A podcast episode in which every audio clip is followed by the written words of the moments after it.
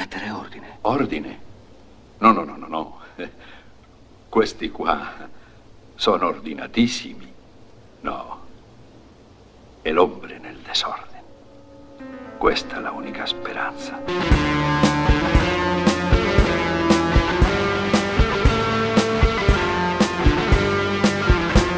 Hej och välkomna till Demonpodden. Podden där vi nu för tiden talar om filmer av kvinnliga filmskapare. Och eh, det gör vi faktiskt för sista gången, eller säkert inte sista gången, men sista gången som specifikt tema. Här ikväll när vi har säsongsavslutning på säsong två. Jag heter Kalle Färm och med mig som alltid har jag Olof Ekström. Hej! Aron Eriksson. Oh yeah. Och Björn Waller. Oh no.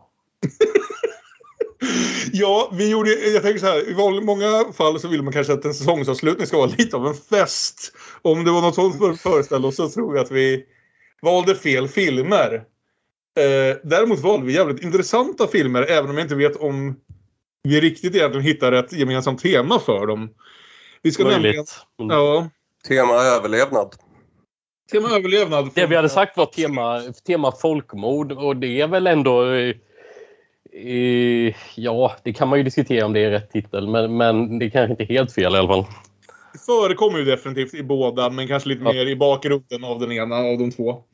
Vi är här ikväll eh, för att tala om Esmila Zebanic Kovadis Aida och Lina Wertmüllers Seven Beauties, eller Mannen som köpte sitt liv, var det så? Eller Pascalino Zettelbeze, vilket man ännu tycker passar bäst. Det är en film med många titlar. Två filmer som som sagt hade en kopplat till tema folkmord. Superkul avslutningstema. Men tema överlevnad nu med facit i hand känns kanske Mm. ännu bättre. Ännu mer. Kanske, det stämmer ju väldigt väl också. Några av de mer intressanta vi har sett kan jag känna båda två av väldigt olika orsaker. Eh, och nästan svårangripliga på det sättet. Man blir lite rädd för att trampa i klaveret när man diskuterar någon av de här. De är så pass...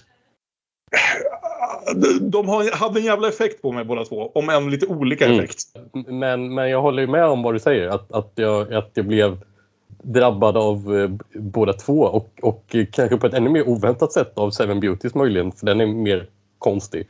Men, Ja. eh, men Jag absolut. gillar också båda men eh, jag tror både jag och Kalle såg båda filmerna tidigare idag.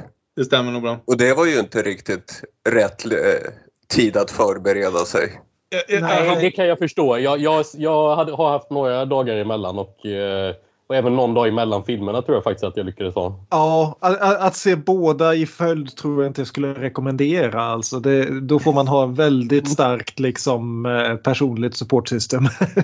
jag, jag, jag, jag, Ja, jag jag, har ju er prata ut möjligen. som jag har här en timme Ja. senare. Så Ja, det är ju bra. Och vi tänkte väl, normalt sett kör vi kronologiskt men ibland när vi känner för det så vänder vi på den ordningen. Och jag tror ikväll är en sån kväll när vi börjar med den nyaste filmen faktiskt nästan sproilans ny. Nämligen Kovadis Aida som ju kom ut vill jag säga på svenska biografer i år. Var en av de två filmerna som hade en god chans att vinna bästa utländska film-Oscarn men fick se sig norpad på godiset av Thomas Winterberg och en runda till. Mm. Också en bra film. Och ja, eh, allmänt har, vill jag säga, har blivit mer uppmärksammad än vad kanske eh, länder, länder från de här områdena har brukat bli på, i alla fall på ett bra tag. Och där har vi ju en koppling filmerna emellan i alla fall. För Seven Beauties är ju den första eh, film av en kvinnlig regissör som blev nominerad till bästa film. Ja, till bästa utländska film och Ja, bästa regi framförallt är det Ja. stora. Att Lina Wertmüller med Seven Beauties var den första kvinnan att någonsin Så var det nominerad för bästa regi. Och som Eh. hon, inte, som hon inte vann, men det var ett ganska bra team hon gick upp emot eh, såg jag med, med Ja. Ingmar Bergman och Sidney Lumet och vad det var. Mm. Eh, Ja, det var ett starkt år. Det skulle ju ta 30 år till innan, innan Catherine Bigelow faktiskt norpade hem den där Oscarn åt en, åt en kvinna. Jag är nästan rädd att attackera Kovadis Aida så frågan är om jag lämnar över bollen en stund och ser om någon annan vet hur vi startar den här. För eh, jävlar, det var en liten stund sedan jag blev så tagen av något, måste jag ändå säga. Jag vet precis hur vi börjar. ja, in, ska du inleda då? Ja, filmen börjar precis som Black Widow 1995. Japp. Ja, det var min öppning. Okej. Sen Ja. blev jag osäker.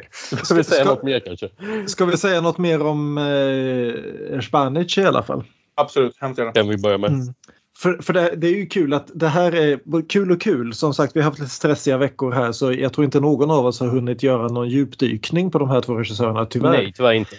För eh, det här är två regissörer som jag verkligen blir sugen på att se mer av baserat på de här två filmerna alltså. Vä- Verret Müller har jag liksom uh, hört talas om så otroligt Ja. länge så det var kul att äntligen ta tag i den. Jag har redan slängt upp tre filmer till i Måste se snart-listan där. Och eh, Jasmila Zbanic hon eh, är ju då född 74 så hon har säkert väldigt mycket minnen av den här tiden som den här filmen handlar om men hon var liksom ganska ung fortfarande när allt, och mycket av det hon har gjort har ju kommit efter. Mm. Eh, hon är filmutbildad både i Sarajevo och teaterutbildad i USA. Hon eh, har gjort filmer som eh, Oj, hur ska man uttala det här? Ingen av oss kan prata serbokroatiska heller ska vi säga. Så, återigen så får vi be om ursäkt för uttalen. Men eh, Garbavica Mm. från 2006 som vann eh, Guldbär, Guldbjörnen i Berlin. Naputo från eh, 2010 som utspelar sig i Sarajevo och som också eh, blev prisad i Berlin.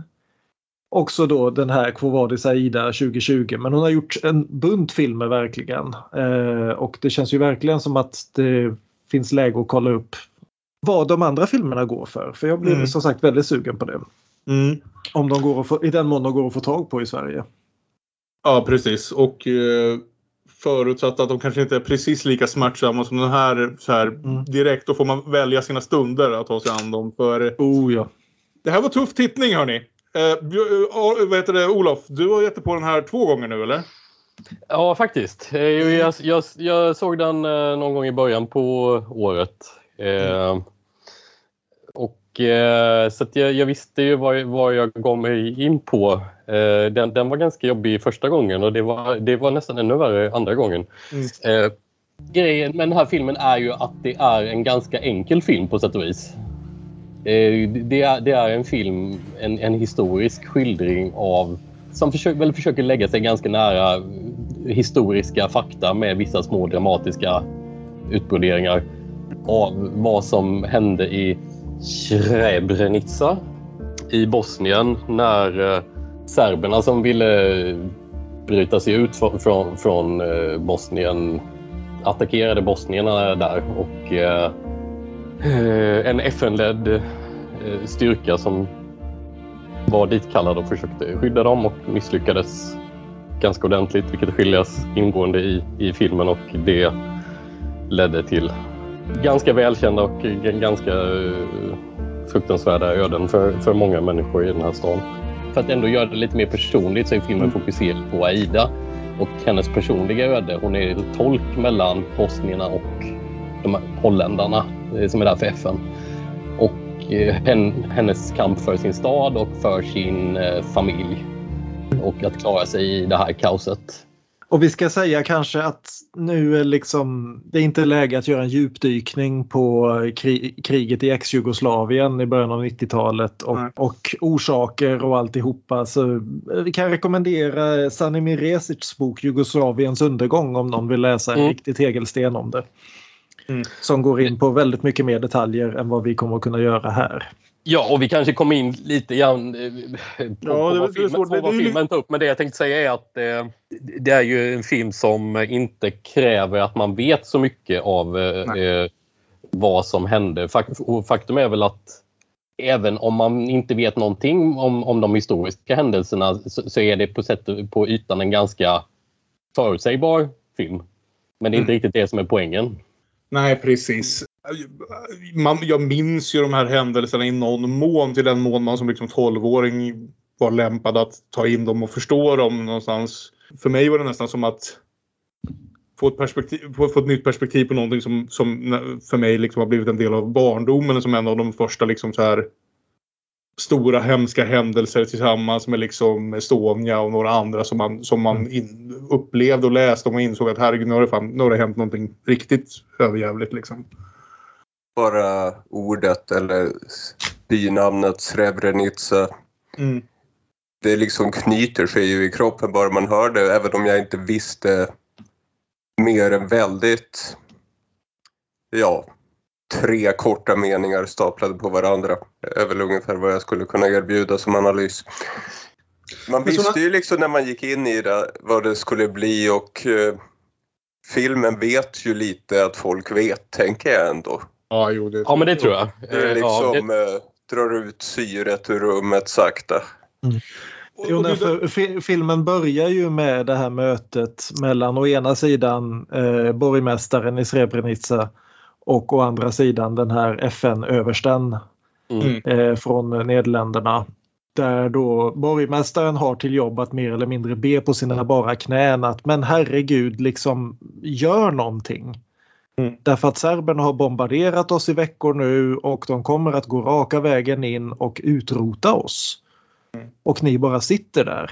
FN-översten eh, Karremans tror jag. Ja, Karimans med den här fantastiska jävla mustaschen. Och, ja, den är imponerande. Och vi ska, vi ska jag, säga jag, att blir, jag blir hypnotiserad av den här mustaschen. Mm. Mm, och vi ska väl säga också att eh, skådisen som spelar honom, eh, Johan Heidenberg, Heldenberg till och med, eh, är ju väldigt porträttlik den verklige eh, överste Karremans får man säga. Som för övrigt blev befordrad efter Srebrenica så det var ju trevligt för honom.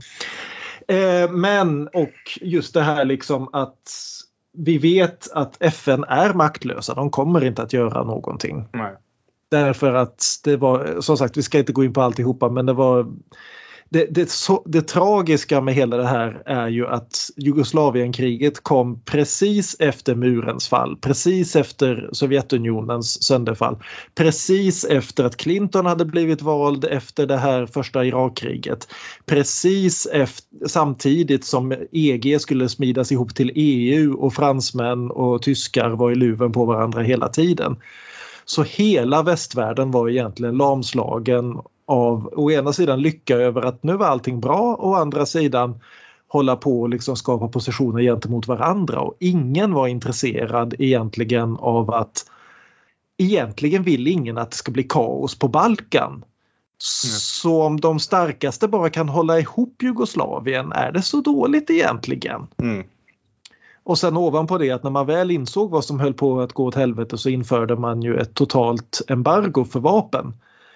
Men kroaterna kunde fortfarande få in vapen och serberna kunde fortfarande få in vapen. De enda som inte kunde det, det var bosnierna. Mm. Så det var i princip att den här nybildade nationen Bosnien som väl mer eller mindre fick förklara självständighet av ren självförsvar i princip fick slå tillbaka med de jaktvapen de hade hemma mot en modern armé. Vilket inte går så bra. Nej. Och FN i det här fallet då eh, både den franska generalen och den holländska regeringen som bestämmer över de faktiska soldaterna kommer att vägra göra någonting alls i princip. Det vet vi från början. Ja. Men, men där sitter alltså Karremans vid det här bordet och lovar att 06.00 kommer amerikanska flygplan att bomba sönder ställningarna för serberna. Detta lovar jag er. Ja. Men jag är bara budbärare. Dođu? What will happen if the planes don't come? They will come. They will come. They have been issued a United Nations ultimatum. If they fail to comply, they will be attacked at 6 a.m. sharp. Doći, sigurno će doći. Dali su im ultimatum. Ti ćeš biti odgovoran. Recimo, ti ćeš biti odgovoran ako Srbi uđu u grad. Prevedimo. You will be accountable if the Serbs enter the town. I'm just a piano player. Šta rekao? Kaže da je on samo pijanista. Šta? ja, precis. Ja, för så som filmen framställer det så eh, gör han ju ändå en del ansträngningar för att få det att hända men, men, men har folk över sig som, Ja. som inte riktigt orkar bry sig eller hur man nu ska säga. Det är inte som att de vill att massa folk ska dö men liksom vi vill inte, vi vill, det här- vi vill inte starta massa bråk. Det här är ju, nej men exakt, det här är ju en film som liksom faller in i en annan tradition av, av samhällskritik som jag väldigt ofta uppskattar, nämligen bara den som granskar byråkratin och hur jävla värdelös den fungerar när saker faktiskt gäller, när saker faktiskt måste ske och snabbt. Mm. Jag menar, det, det, finns, det finns liksom en del av den här filmen som känns mer The Wire än en krigsfilm. Liksom. Bara det Det här har du att lite skåda- poäng i. Ja, att skåda byråkratin inifrån och se precis hur byråkrati är byggt för att fungera om den nu ska fungera alls, väldigt, väldigt långsamt. Och när det liksom handlar om att liv hänger på att plötsliga beslut behöver tas på liksom en timme eller två, då faller skiten bara samman. Så alltså där- funkar inte de här systemen. Det här är en vä- väldigt bra eh, liksom, spaning på filmen faktiskt. För det slår mig ju det slår mig att när, när sen då lite, lite senare när, när den serbiska generalen ska visa sin makt över eh, de bosniska invånarna i stan så, så gör han ju det, en, en, väldig maktdemonstration som han lindar in och gömmer i byråkrati och, och, eh, och liksom demokratiska gester typ. Ja. Nej, han har lärt sig tala deras språk så att det just där och då eh, ska gå lättare att få FN att gå med på just det här. Samtidigt som det finns ju knappt en bosnier i den här filmen som inte vet vad som kommer hända om serberna får tag på dem. Liksom. Eh, det, och det är därför, det är ju på grund av det här att vi i den stora bilden vet ganska exakt vad som måste hända. Som gör det så smart att därför göra det till ett personporträtt av Aida och i någon mån hennes familj. Jag började ju tänka på, på som ni vet, min, min favoritfilm från förra året. Eh, eh, till min dotter som liksom lyckas Ja. berätta händelsen om Syrien genom en familj. Genom det här fokuset får vi en helt liksom annan känsla för det större kriget och vad fan det faktiskt känns, eh, hur det känns att genomgå allt det här. Och det är ju det som gör att filmen fungerar. Det hade kunnat vara en bra film med ett mer makroperspektiv på hur liksom FN förhandlar med Mladic och, och hur systemet håller på att falla samman. Men det är ju eh, det är ju liksom fokuset på Aidan, och en person som liksom står mellan de här världarna som liksom lär känna har växt upp in, inne i Srebrenica och eh, känner alla i stan men också har jobbat länge nog nu på det här FN-komplexet att hon känner alla där. Så, som liksom försöker få det här att fungera och när hon inte kan få det att fungera i helhet i alla fall försöker rädda sin familj ur det. Och den historien blir ju spännande på ett annat plan. Alltså vi vet att det kommer gå käpprätt åt helvete för de flesta av bosnierna i den här filmen. Men det finns fortfarande viss, då och då ett visst liksom, glimt av hopp för just Aida och hennes familj. Ja. Eh, Och, och, och det är just det som jag tycker filmen gör så bra därför att det är svårt att göra filmer om sådana här fo- folkmord, krigsförbrytelser etc. Och jag säger inte så för att inte använda ordet folkmord därför att det här är ett internationellt erkänt folkmord, det ska det Ja, ja. kallas. Men överhuvudtaget att göra filmer om alla sådana här företeelser att det, finns, det blir så lätt att du antingen fastnar i rent liksom melodrama eller i politiskt storspel. Det är väldigt svårt att fånga just det här konceptet ett folk Ja. samtidigt som du gör dem till människor Mm. och inte, inte till brickor i ett spel. Och det är det som jag tycker att eh, hon gör så väldigt bra här. Mm.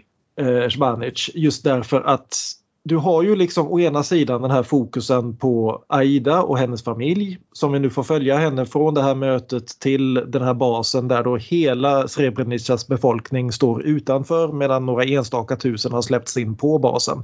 Mm. Som är full får vi heta trots att vi har alla bilder av den visar liksom att utöver den här stora hangaren där de har trängts ihop så är det liksom tomt alltihopa. ja. Men eh, det, det vi hela tiden får se också att även om hon liksom håller på det här liksom halvdussinet människor inklusive Karamans, Aida och eh, Ratko Mladic, alltså generalen på serbsidan. Så har vi alltid de här ögonblicken där kameran stannar upp och verkligen zoomar genom liksom den här folkmassan där folk Mm. sitter och gör det man gör medan man väntar. Folk sitter och röker, folk tvättar, folk pratar tyst med varandra. Det, det är just det här liksom verkligen stanna upp och se människorna. Ja, Vi, och vi, vi råkar följa det här halvdussinet människor men alla de andra finns här också Ja. och kommer också att drabbas. Men samtidigt är det den gör så jävla effektivt att den fokuserar tidsperspektivet så extremt att jag vet inte om det är, ska utspelas under 24 timmar men det känns som det.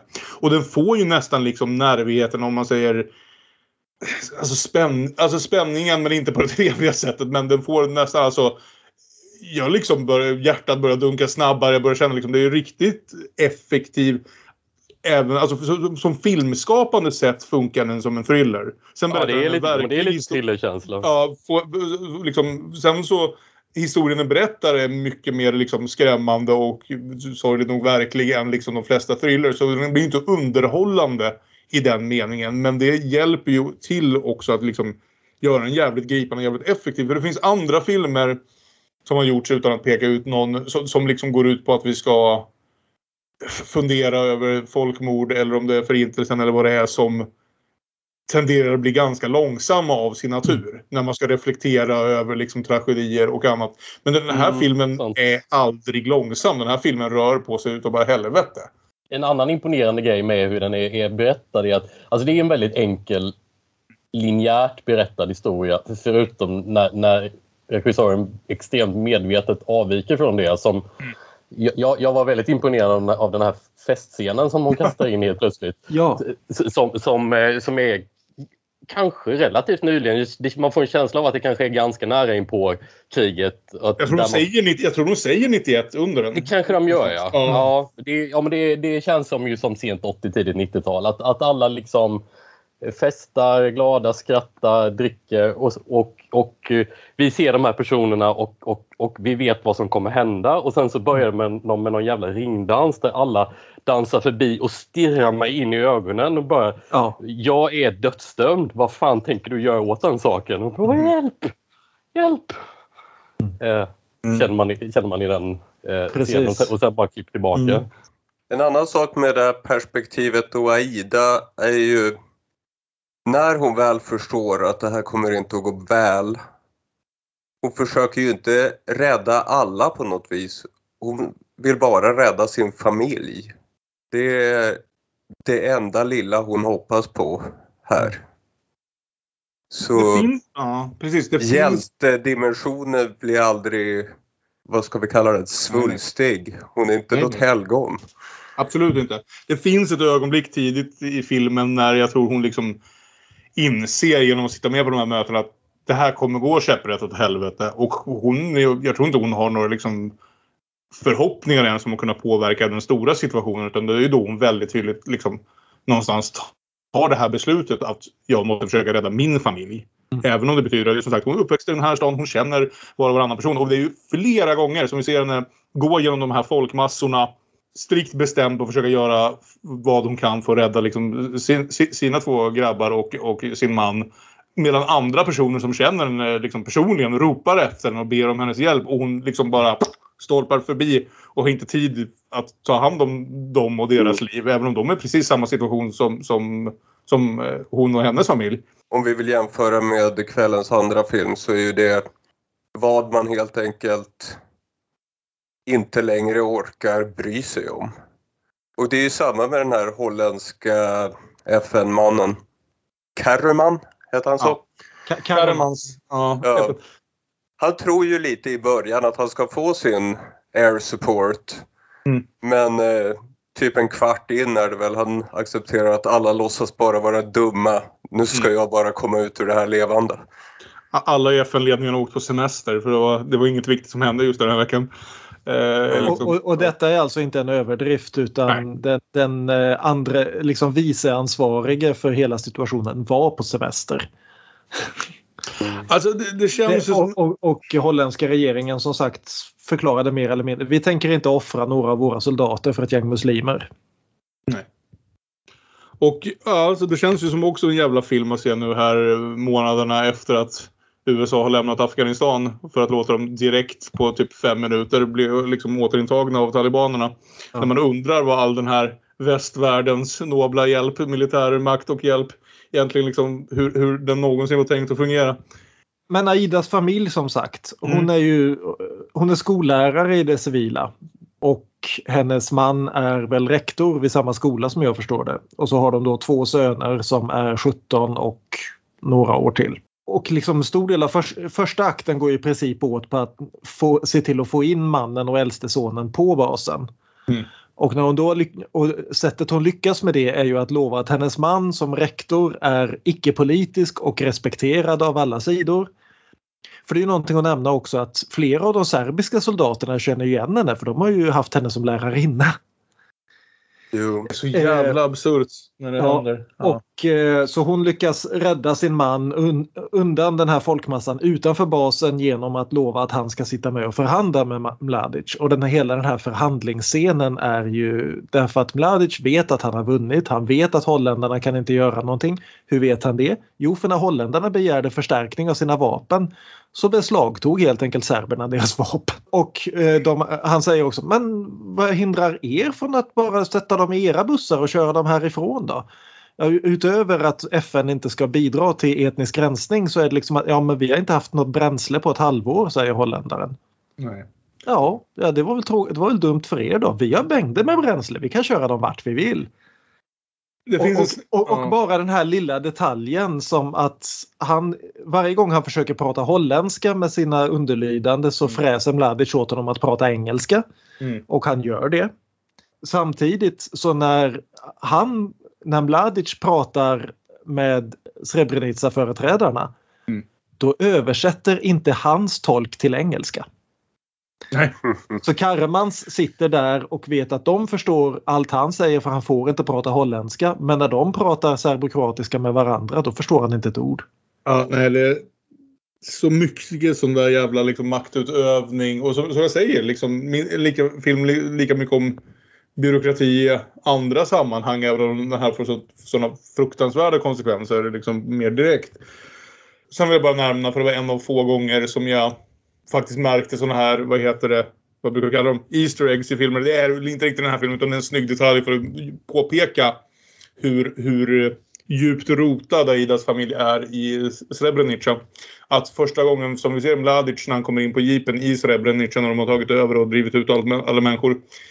Så tittar han på, på, på gatuskyltarna runt omkring sig och så säger han Selma Nadic Street eller Selma Nadic vägen. Ta ner den skylten. Och Selman Adic är ju Aidas familj. De har varit där så länge att de har en gata efter sig. Och den gatan har bokstavligt talat Mladic precis rivit ner skylten för. Skvaller är ju, ja, det här var bara roligt fakta. Hon som spelar Aida och hon som, han som spelar Mladic. Gifta i verkligheten. Va? Vad säger du? Fascinerande. Är det så? Så är det. Och då kan vi passa på att nämna bara alltså, Jasna Djuricic som spelar Aida är ju fantastisk i det här. Alltså, det hänger, Herregud. det hänger ju på henne och hennes ansiktsuttryck och hennes långsamt byggande panik. Där hon i så långt som möjligt så fort, fortfarande liksom vill vara professionell och vara någon som FN-personalen har behov av så att hon kan ha en chans att i gengäld liksom få hjälp av dem att rädda sin familj. Någonting som de ju Mm. De sätter ju direkt upp sig mot det men i början verkar det i alla fall funka långsamt och långsamt. De får komma in på basen allt eftersom. De får komma ut ur det här liksom allmänna ytorna och gömma sig på ett kontor. En stund ser det till och med ut som att de tänker att de kan vara okej med att förfalska såna här FN FN liksom kort åt dem så att det ska se ut som att de jobbar där och därmed kan Ja, av serberna. Men det går inte för ja, men han som kan hantera den där apparaten är inte här just nu. Nej, Nej. men var är han då? Ah, jag vet inte, han är väl någonstans här och när de väl hittar, ja men den där apparaten är trasig vet du. Det är Men precis- kan inte, kan inte skriva något för hand då? Nej men det är, så ser inte våra rutiner ut. Alltså det är ju The Office mitt i en krigszon någonstans ibland det här också. Det är, ja, fy fan. Det är, som sagt, jag tycker det blir en riktigt svettig film samtidigt som det blir en så pass påverkande film. Och ja, jag tycker det här var ganska jävla lysande. Måste jag Ja. säga. Det är väl egentligen sista halvan som nästan är i realtid när de eh, Mladic och eh, hans mannar börjar ja, utrymma basen och, för att Ja. köra iväg folk. Nej, Nej. alltså när- när, FN ordentligt betamailar sig mot, mot eh, serberna och släpper in den här första jävla vapenskvadronen som går omkring inne på FN-basen och börjar liksom peta på folk och fråga ut dem och fråga hur, hur många serber har du dödat och, och så vidare. Under liksom påståendet att de letade efter vapen. Den jävla scenen är ju...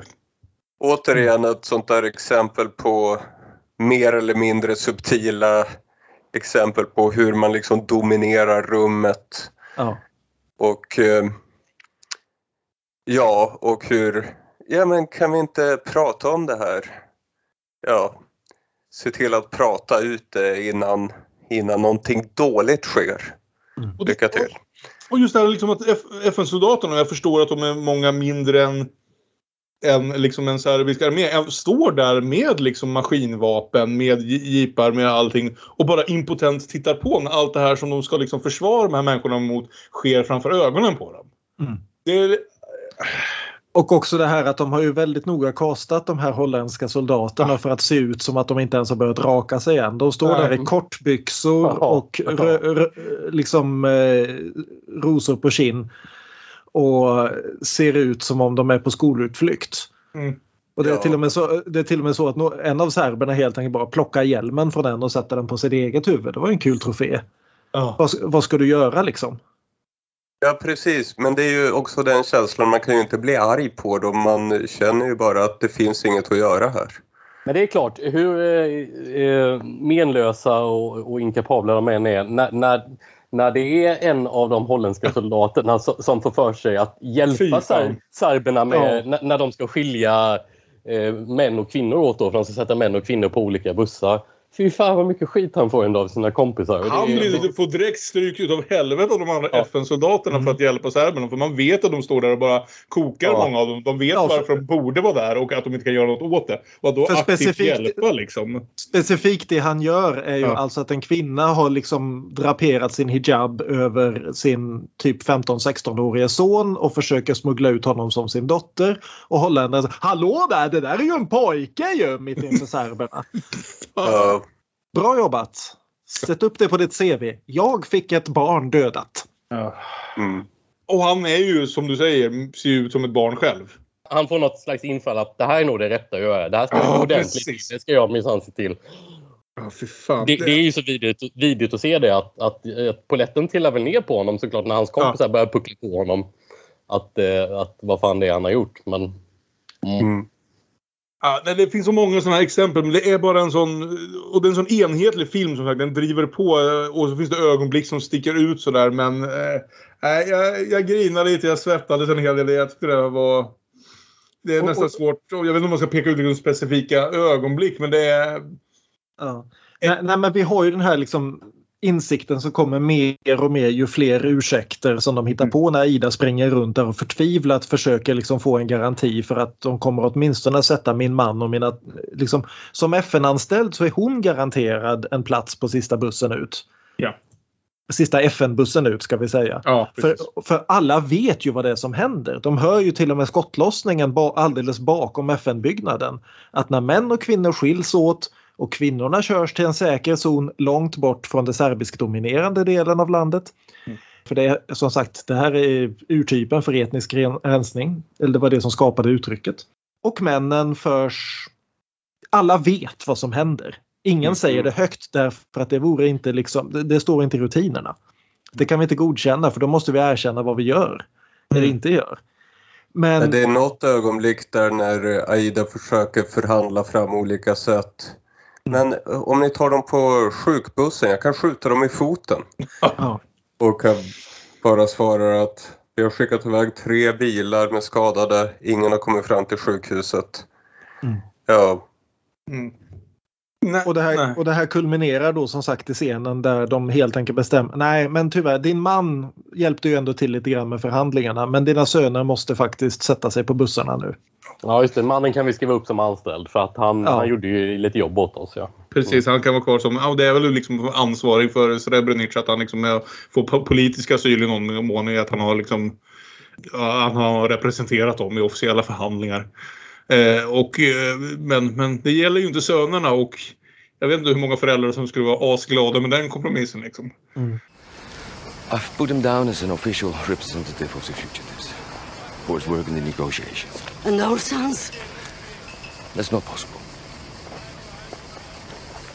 Why is not possible? Why? We stick to the rules, Ian. So it's his choice. He can stay or leave. Kaži da samo ti možeš ostati zato što si bio na pregovorima. Stavite moje sinove na spisak umjesto mene. Please, take our sons instead of him. I made myself pretty clear here. They're not on the list. Molim vas. Stavite bar jednog sina na spisak.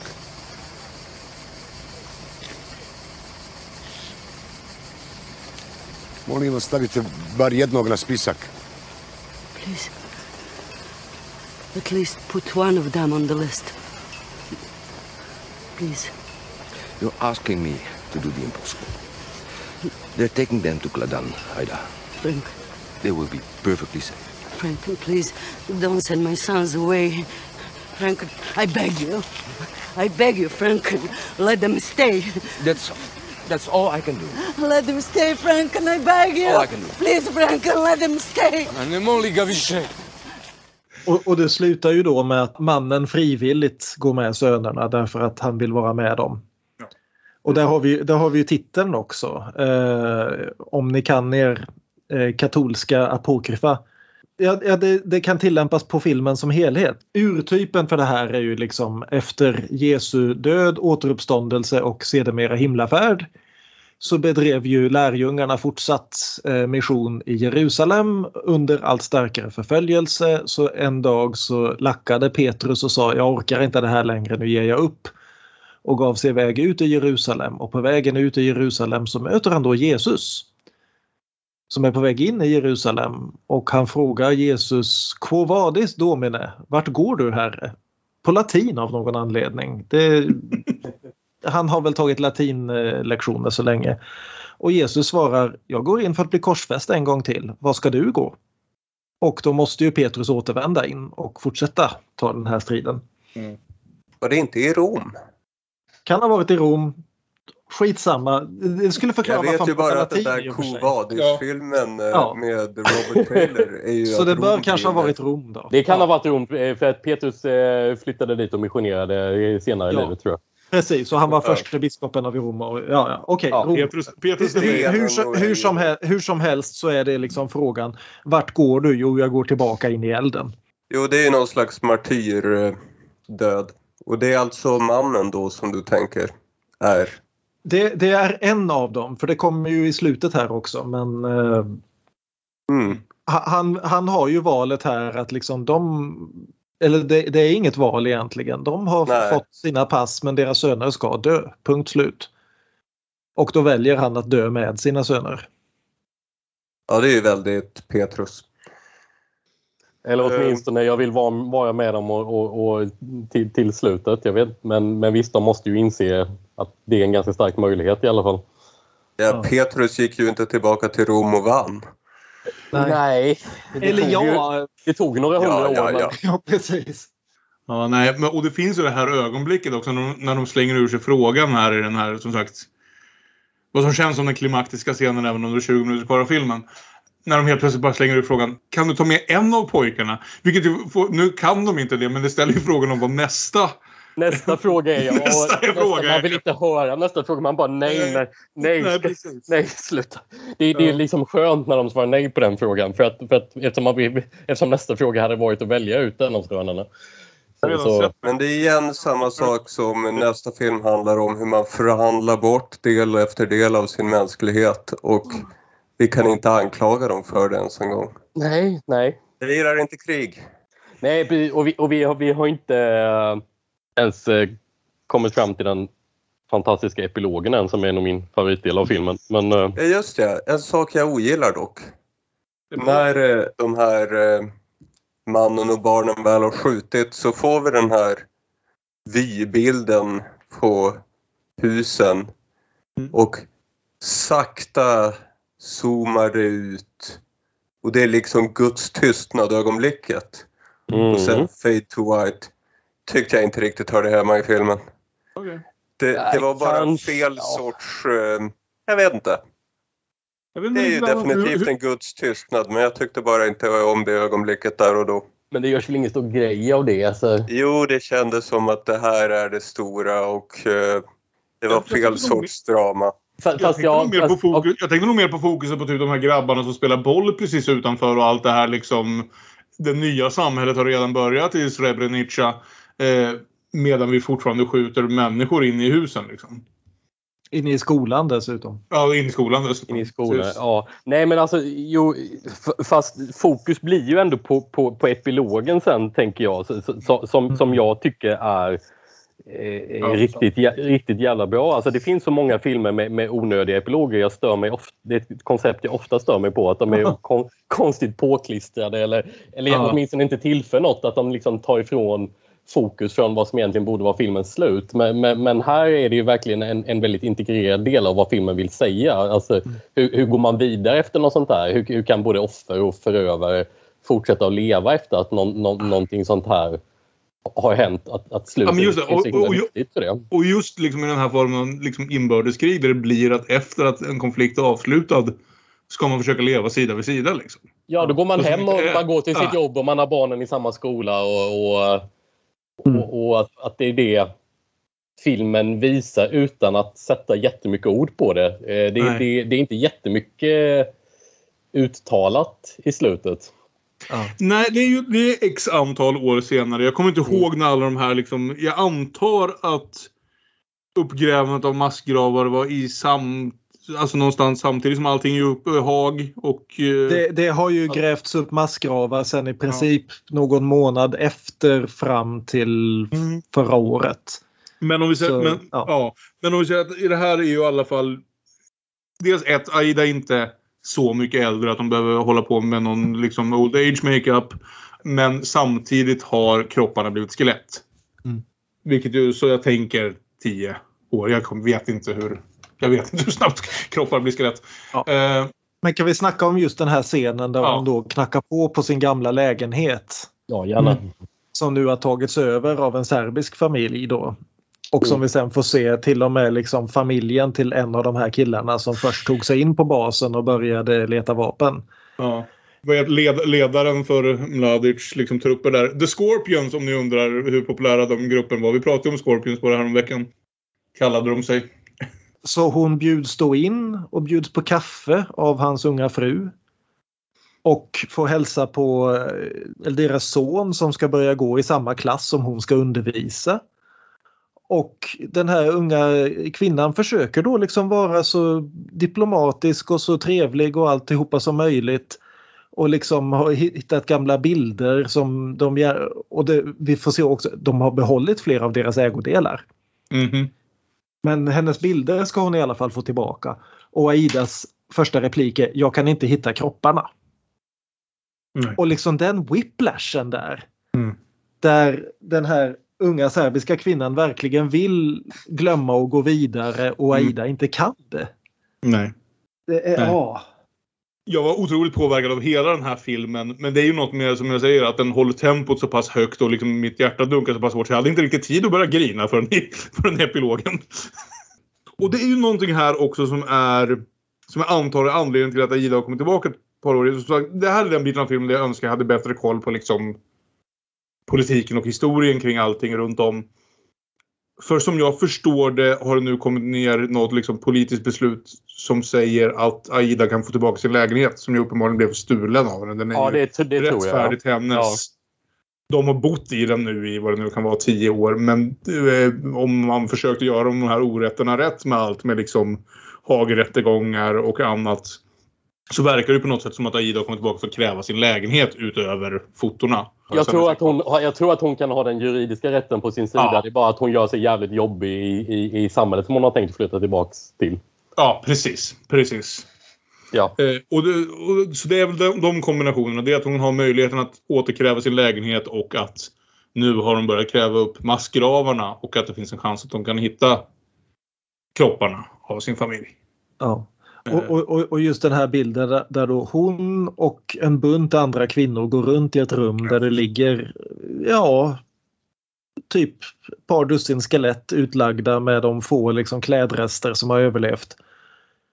Och hon går runt där och, tills hon inte bara kan längre och bara faller på knä bredvid ett, ett skelett. Och det framgår aldrig riktigt om hon har känt igen en ur sin familj eller om hon inte känner igen dem eller om det helt enkelt inte längre spelar någon roll. Hon håller på med skorna där. Jag tror hon känner igen hans skor. Ja, men, men det är liksom just, Kan- den här ja. just den här bilden av många olika kvinnor som går runt och letar efter det oigenkännbara. Ja. Att det, återigen, där zoomar filmen ut från den här enda människan till att liksom fånga att det, det liksom, hon är en av tusentals. Ja, fy fan. Jävla rulle hörni. Det var något av det bästa vi sett. Vi, vi slutar starkt kvalitetsmässigt känner jag eh, den här säsongen. Man får ju Eh. ge, man får ju ge Oscarsjuryn att det är en svår film att jämföra med en runda till. även, om, även om jag gillar dem båda. Så, eh, En runda till har ju den där, och så här, båda två har ju några av mina absoluta favoriter vad gäller slutscener från de senaste åren. Oh. Ja, Eh, en, runda, en en, till lämnar bara med den där li, en något lyckligare känsla i hjärtat. Trots att den också är en ganska tung, tung film ibland. eh, Liksom. Ja, för den här slutar ju på det där Quo Vadis ögonblicket då, liksom första skoldagen och eleverna ska framföra någon sorts grej för hela föräldragruppen och vi ser liksom i publiken sitter föräldrar från bägge sidorna. Och alla verkar återigen vara jätte, om inte bästa vänner så åtminstone kunna sitta bredvid varandra men vid sidan står Aida och stirrar rakt in i kameran helt ensam. Mm. Och då, då är det, ja, tillbaka in i Rom. Ja, Se vad som händer. ja, Ja. precis. Har inget val. Det är Nej. mycket det här att inte ha något val. Antingen att göra rätt eller att inte kunna göra rätt. Mm. Och när bör man offra sitt liv? Ja, det är mer nästa film.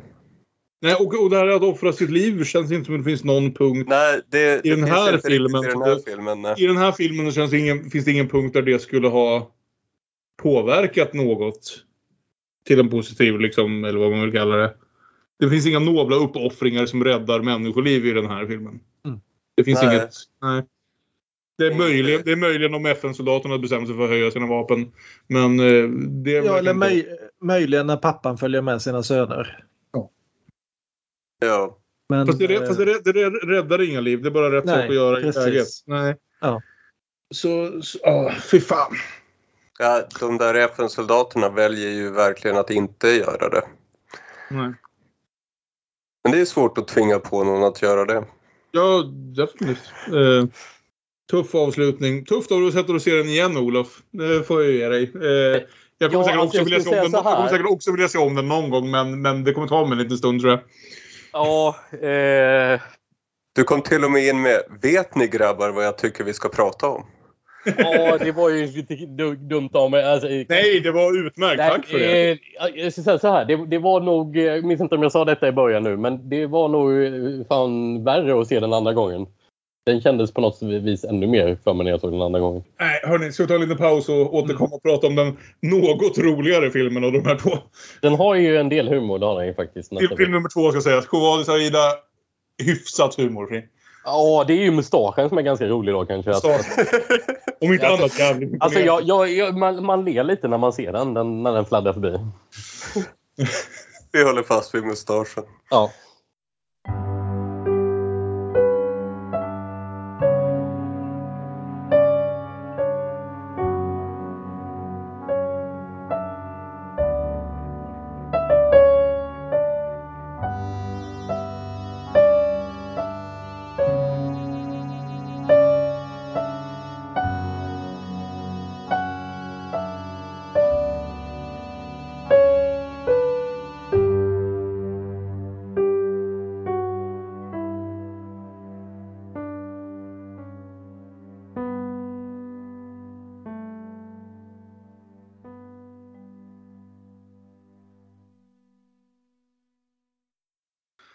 Då så, då drar vi väl igång andra halvan av programmet. Där vi ska prata om Lina Wertmüllers, ja, som sagt, kärt barn har många namn. Seven Beauties, eller Mannen som köpte sin frihet, var det så? Eller Pascalino... liv. Sitt liv! Mannen som köpte sitt liv. Eller Pascalino Zetterblatter. Den, så heter den. Pasqualino Settebelese.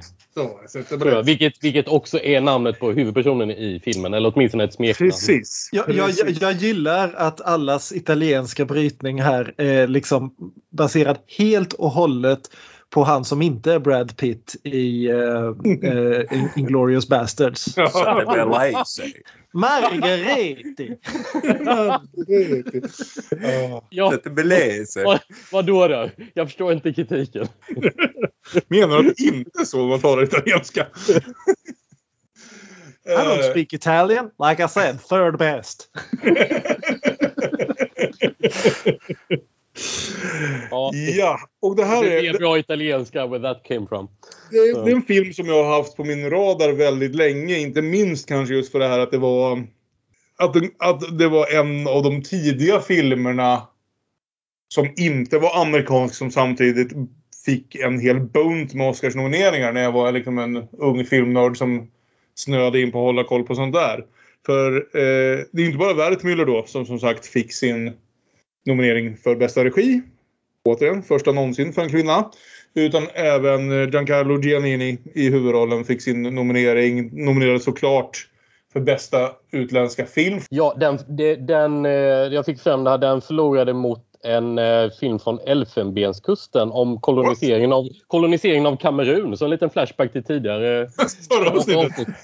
Black, Black and White in Color av eh, fransmannen Jean-Jacques Annaud regisserade Ja, den. ja, ja, Fast i Elfenbenskusten verkar det som. Jag har inte koll på den filmen. Jag har koll på Anno lite hit och dit i alla fall. Och Wertmüller blev även nominerad, dubbelnominerad ska vi säga, för, även för eh, sitt manus till den här filmen. Vilket är intressant för att med den här film som jag i mångt och mycket tycker väldigt mycket om så tycker jag att den är så ypperligt fotograferad, regisserad och eh, skådespelad. Så i den, den mån jag har lite problem med det så landar det nog främst på manusplanet. Mm. Eh, men vi kommer dit. Japp. Vågar någon sig på att... Om vi säger så här. Till skillnad från Quadis Aida som är en väldigt rakt på sak-film som utspelar sig nästan i realtid känns det som ibland och där den ena scenen följer den andra med ett kort undantag. Så vågar jag nog ändå påstå, utan att kalla det för något negativt, att det här är en lite rörigare film. Det är det ju faktiskt. Ja. Ja. Och då har jag frågan, vem vill sammanfatta den? Pasqualino. Pasqualino är en eh, lymmel från Neapel som eh, är med i andra världskriget och där blir han tillfångatagen. Egentligen Parallellt i tillbakablickar följer vi honom eh, åren innan kriget. Hans öden och äventyr i Neapel. Han råkar mörda någon. Systerns kille. Vanligt misstag. En sådär älskvärd spjuver. Lite, lite rörig inledning detta har den. Men det kanske passar filmen. Det är en, Jag tycker det- det är en jag ganska tycker- rörig film. Exakt, jag tycker det är en inledning som passar filmen. Om ni hade lite svårt att hänga med i det där, grattis, kom fram till Grattis! filmen. Ni kommer älska den här filmen. Ja. Den, jag, jag, jag skulle kanske beskriva Pasqualino som en ja, halvlyckad mellanchef i maffian under andra världskriget. Kan man säga så? Som eh, Ja. mot deras uttryckliga vilja försöker skydda sina systrars heder så gott han kan. Mm. Ja, en tag, ett tag där i början av filmen tänkte jag nästan om vi skulle ha haft den på något slags liksom, tema hederskultur istället. Men den stannar inte vid det så hemskt länge heller. Det är väl det som gör Nej, det men den kommer tillbaka till det lite då och då. Precis. Nej precis, men det är väl just det hur han släpper precis allt som har med heder att göra för att överleva. Ja, är lite hans ark. precis. Ja, Lina Han blir en man utan heder, lite som Falstaff. Jag vet inte riktigt om vi är klara med sammanfattningen än, men jag tror det. Eh, Lina. Wertmüller som sagt var en av de stora italienska regissörerna. är hon lever fortfarande. Är, ja, lever, Hon är, men- hon är 93 bast, men hon lever Men, men hur produktiv är hon? Hon jobbar inom teatern, står det på Wikipedia. Och det hoppas jag. Ja. Eh, och ska sägas också, trots namnet till trots, väldigt mycket en italiensk regissör, inte en tysk sådan. Vilket jag trodde ganska länge, därför att man bara stirrar sig blind på namnet. H- Eh. Hennes fullständiga namn kan vi ju nämna bara. Ja, äntligen. Arcangela Felice Assunta Wertmüller von Elgspanol von Braueich. Skål! Om jag, om jag hade haft det namnet hade jag satt det som hela namnet i varenda film jag någonsin gjorde. Bara en hel liksom, ruta med text. Något slags eh, schweizertyskt eh, påbrå kanske. Why is it the world never remembered the name of Johann Gambleputty? De von Ausfern, Splendenslit, Krasskrenbon, Friedigedangledungle, Barstein, von Neckarthresher, Applebanger, Horowitz, Tickelenzig, Grandenoddy Speltitel, Grandlich, Grundwoldnahe Spelterwasser, Köstlich, Imbel, Eisenbahnwagen, Guten Abend bitte, einen Nürnberger Bratwürstel, gespürt mit zwei Makelube Hunsfurt, Gumberabe Schonnendanke Kalbsfleisch, Mittelraker von Hartkoff of Ulm. Nej, och en film också som startar kanske ungefär så förvirrande om man tror att man ska få se en film om folkmord eller möjligen som det ser ut från posten en film om som sagt någon slags italiensk smågangster. Eller en kombination däremellan. Det här känns ju som en av de tidigare filmerna att inte nödvändigtvis att använda montage men att använda montage nästan som liksom sån här musikmontage och dessutom ofta till humoristisk effekt. Convinti di essere stati assunti da un'altra vita, oh yeah. Quelli degli mortaci, degli mortaci, degli mortaci. Pum sua, oh yeah. Av att se filmaffischen eller bara liksom läsa lite snabbt om filmen kan man ju tro att det är... Jag, jag tänk, tänkte mig att det här är typ en spagettivästern eller något får man lite så här känsla av att det är typ nå- nå- något åt det hållet. Men alltså det är ju, det är ju verkligen... Eh, det är ju verkligen inget sånt. Ja, vi kommer, gick inte in så mycket mer på Wertmüller, men vi kan säga så här att eh, 1972, 73, 74 och 75 släppte hon fyra filmer som jag vet är allmänt sedda som väldigt bra, var ganska pop ordentligt populära och liksom på något sätt är hennes stora erkända bidrag till filmkonsten. Och sen så har hon säkert gjort fler bra saker efter det, men hon föll lite i skymundan då efter det här att ha blivit den första kvinnliga regissören att någonsin bli nominerad för en Oscar för regi. Så just de fyra filmerna. senaste och kanske då sista film 2004 faktiskt. Ja. Så, ja, hon har ju haft en lång, lång karriär liksom. Nästan 40, ja, drygt 40 år. Fylld, ska vi säga, med långa komplicerade titlar på italienska som verkligen skulle testa vår, våra dialekt här. Inklusive Un complicato intrigo de donne vicole delitti och några andra. Ja. Ja. Men vi kastas i alla fall direkt in i andra världskriget här. Mm. Två, två stycken italienska soldater, Pasqualino och Francesco, hoppar av ett tåg och deserterar. Mm. Därför att det är väl lika så gott att desertera för alla vet vart det är på väg just nu. Mm. Bevittnar ett massmord. Några tyska soldater som gör det tyska soldater gör under 1944. De avrättar ett gäng människor efter att dessa fått gräva sin egen grav. Mm.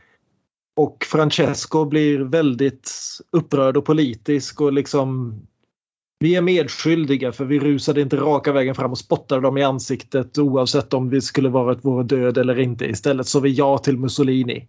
Och Pasqualino häv- Det, det, är ju väldigt, det är ju väldigt mycket sådana tankar jag hade under Covadis Aida. Om man, som man nästan hade velat, hur menlöst den hade varit, att se någon, någon av de här jävla FN-soldaterna göra. Något dylikt. Men ja. Jo. Men där går vi då in i... För, för att få reda på vad Pasqualino sa ja till så går vi då in i den här flashbacken. Och liksom jag älskar det är liksom om de här första scenerna lovar något halvrealistiskt så liksom direkt vi går in i den här flashbacken så vet vi att det här kommer inte att bli liksom en socialrealistisk film.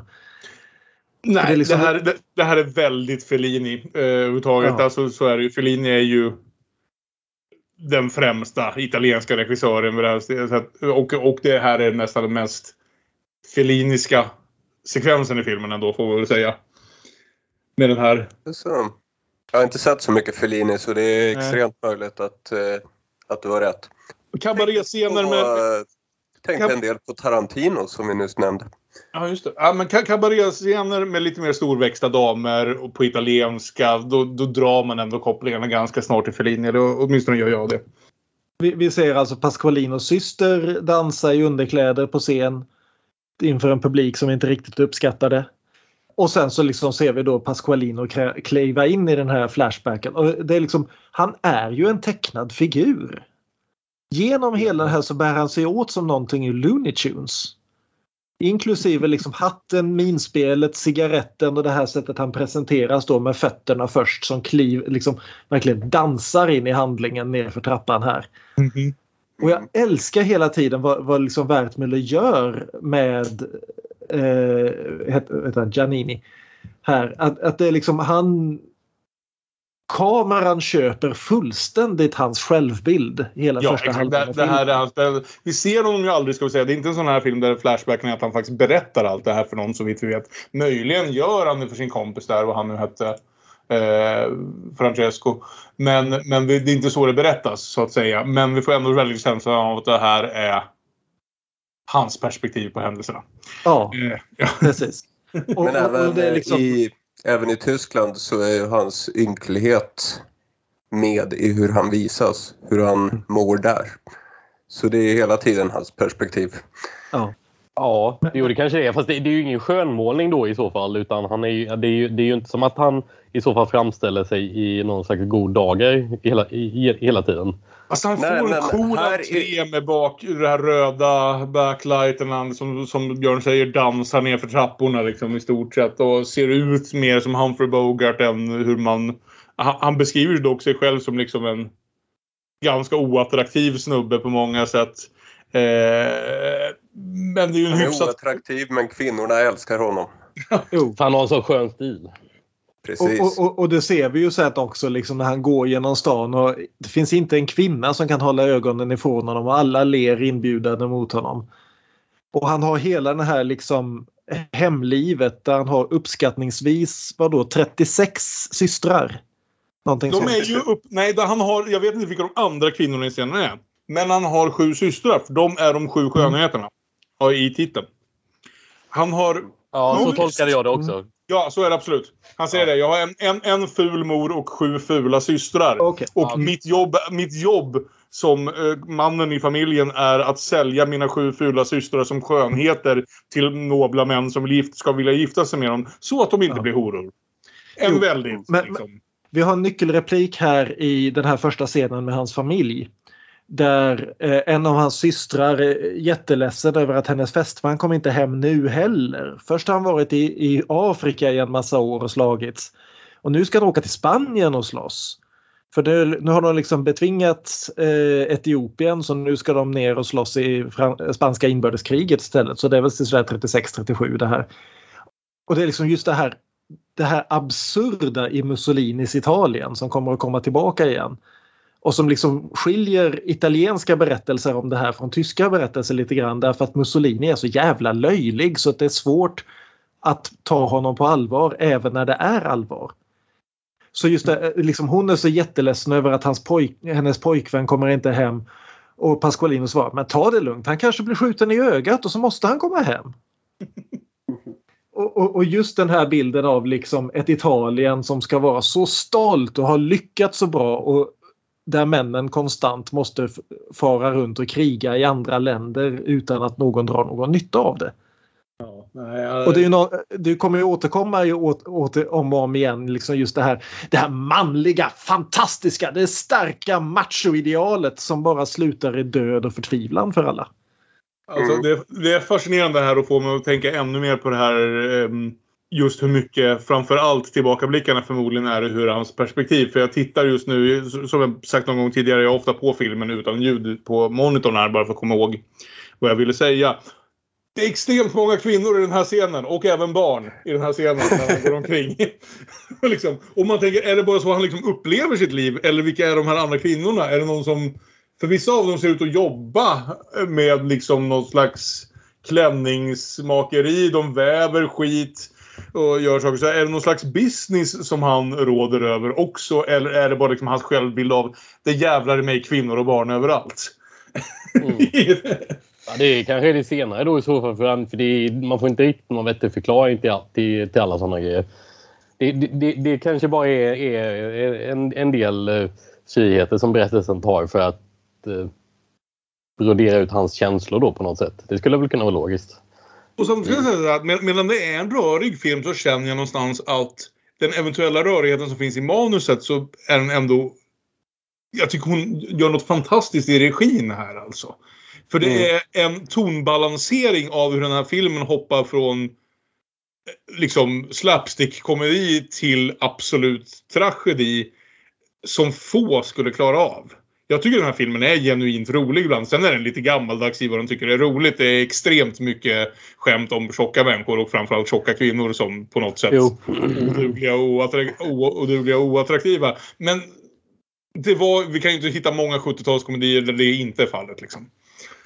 Men, men det, det är ändå, tycker jag, alldeles fascinerande att hon fixar för det allra mesta att balansera den här tonen. Det finns en scen som jag inte har bestämt mig riktigt vad jag tycker Ja, omkring. Jag tänkte, det här får jag vänta och diskutera med, med gänget tänkte jag när jag såg den. Eh, men vi kommer dit. Det nyckel som jag tänkte på, nyckelreplik är ju, och det har ju att göra med hela macho-Italien. Han pratar så mycket om ära här. Mm. Och det kommer ju upp, jag vet inte om det här är hans kompis när de ser den där slakten som pratar om hur vi nu inte har någon ära. För det verkar ju vara med och utan ära de här två tidslinjerna. Ska jag läsa upp det här Falstaff-citatet som Men det, men det är så väl också, om? ja det, det kan du göra, men det, men det är väl också så att eh, Pasqualino i, i, i början då av Flashbacken så, så, så, så är han ju väldigt övertygad om att han har en, en väldigt stor heder och ära, förmodligen mycket mer än den genomsnittliga mannen. I Flashbacken ja. Ja. Ja, gud. Han, han, han ser ju sig själv som, som ganska högt stående. Mm. Det är jag inte säker på att alla andra gör ens där i början. Men, men eh, Nej, han, och han får det ju taget ur sig på ett ganska effektfullt sätt också. Men, men om, om vi tar det här citatet som Aron hade först innan vi går vidare. How if honor prick me off when I come on? How then? Can honor set a leg? No. Or an arm? No. Or take away the grief or a wound? No. Honor has no skill in surgery then? No. What is honor? A word. What is in that word? Honor. What is that honor? Air. A trim reckoning. Who hath it? He that died on Wednesday. Doth he feel it? No. Doth he hear it? No. Tis insensible then. Yeah, to the dead. But will it not live on with the living? No. Why? Detraction will not suffer it. Therefore I'll have none of it. Honor is a mere scutcheon, and so ends my catechism. Den där Billy Shakes kunde skriva ett par grejer alltså.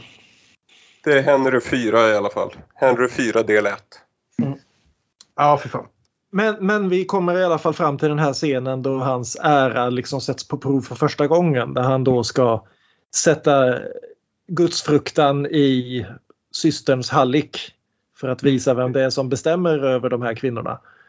Och liksom ställer sig och matchar upp sig fullständigt och visar att han bär pistol och eh, liksom nu ska du låta min syster vara i fred. Och den här killen sänker honom med en rak höger ut, liksom bara, och bara går vidare med sitt liv. Non ho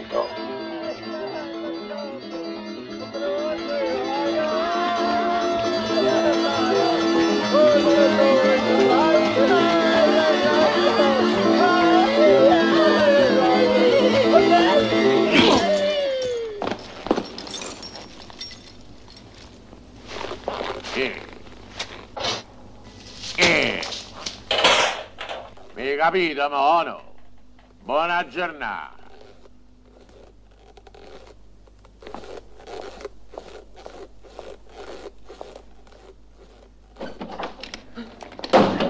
Och, och det är inte liksom ett, ett sånt, någon sån där grej att han faller på knä och sen kommer upp igen och drar pistolen utan han är knockad.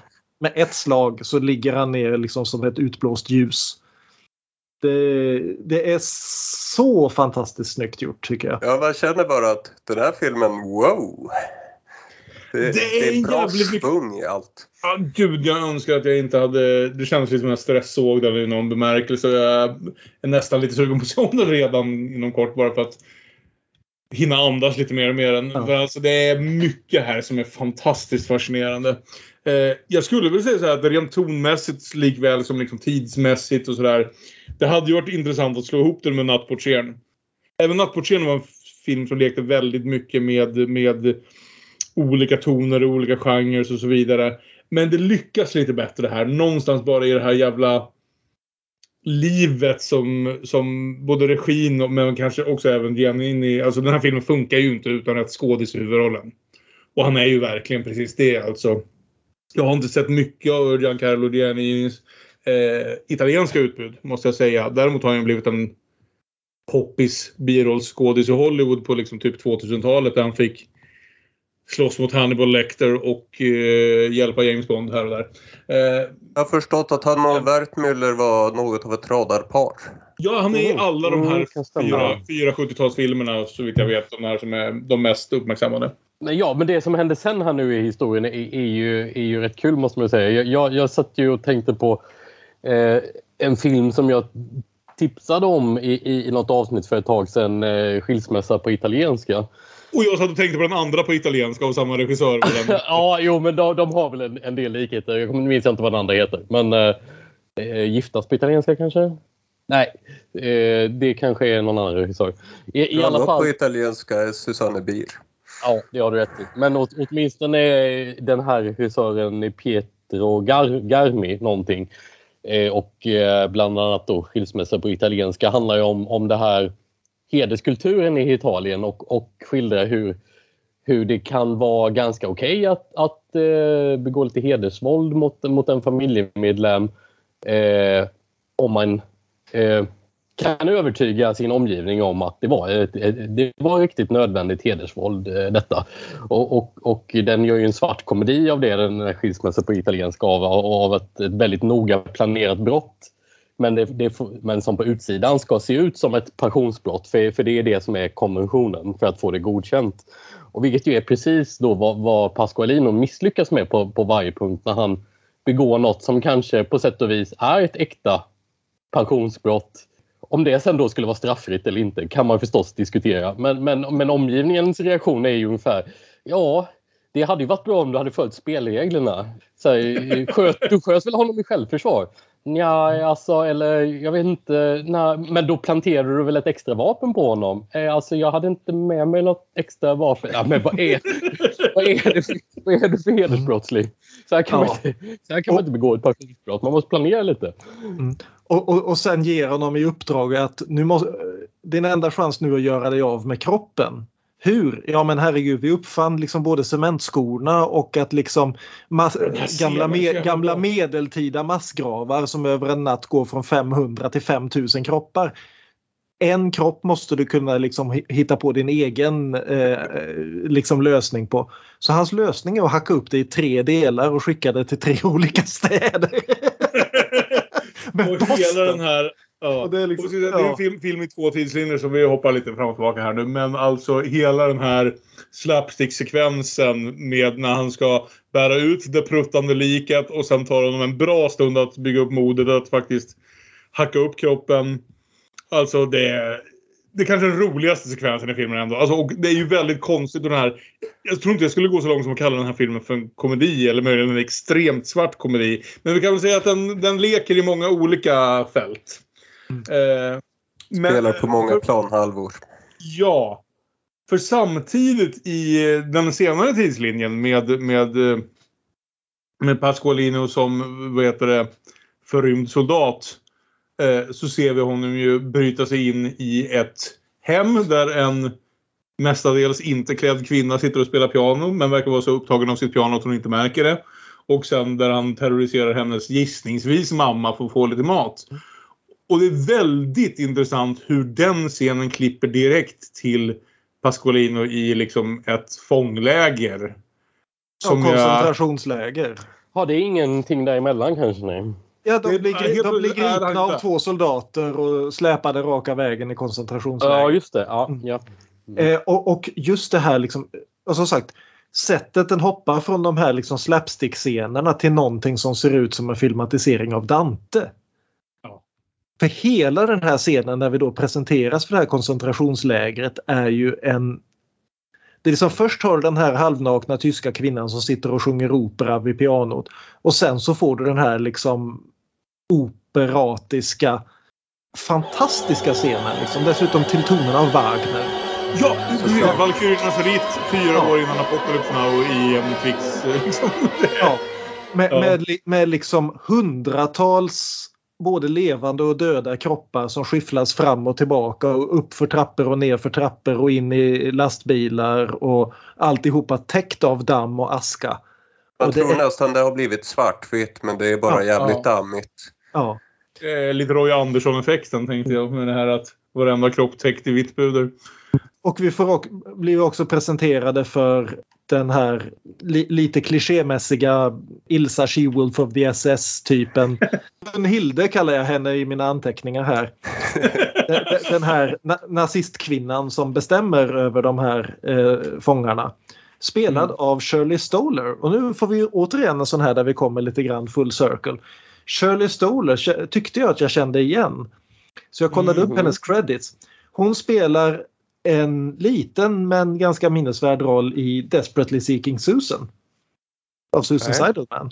Okej, ja, vi där har diskuterade. varit förut. Ja. Ja, för vi ska säga så här. Det, det är inte mycket tid som lämnas till andra skådisar än Giannini i den här. Eh, Fernando Rey är, vad ska man säga, andra namn på rutan och det är mest för att han var mer känd än de andra skulle jag tro. För han har inte, han har en extremt minnesvärd scen men han är ju inte med mycket. Fernando Rey hade väl gjort en del Buñuel och sådär vid det här laget. Han var väl rätt Absolut. stor i och för sig. Borde han väl varit vid, vid den här tiden, ja. Till, tillbaka i andra tidslinjen så eh, kommer folk ganska fort på att, eh, att det är Pasqualino som har huggit den här kroppen i tre bitar och eh, skepp, liksom postat iväg den till olika delar av Italien. En det- det- heroisk det- flykt över taken. Springer och hoppar och har sig. Ropar Ni tar mig aldrig levande. Och vänder och där stod det flera snutar. Hon- gillar sina smash cuts alltså verkligen. Ja, det, det är så många gånger. Där, där, där vi liksom, någon blåser upp en ballong och så just när vi tror att ballongen ska så bara någon som kommer med en liten Ja, det, nål. är ju, det är ju direkt, det, det här var den smashkallen som jag skrattar mest om. Som ju är när han ringer sin, vad ska man säga, mafioso-kompis som han har fått goda råd på hur fan mördar man någon egentligen. Telefonkiosken. Och så säger han, nej nu har jag skeppat iväg honom både hit och dit.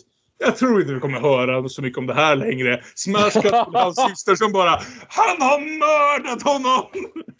Palermo, Milano e Genova e buonanotte. Eh, eh, come dicevate voi, un po' di fantasia, eh, tutto a posto.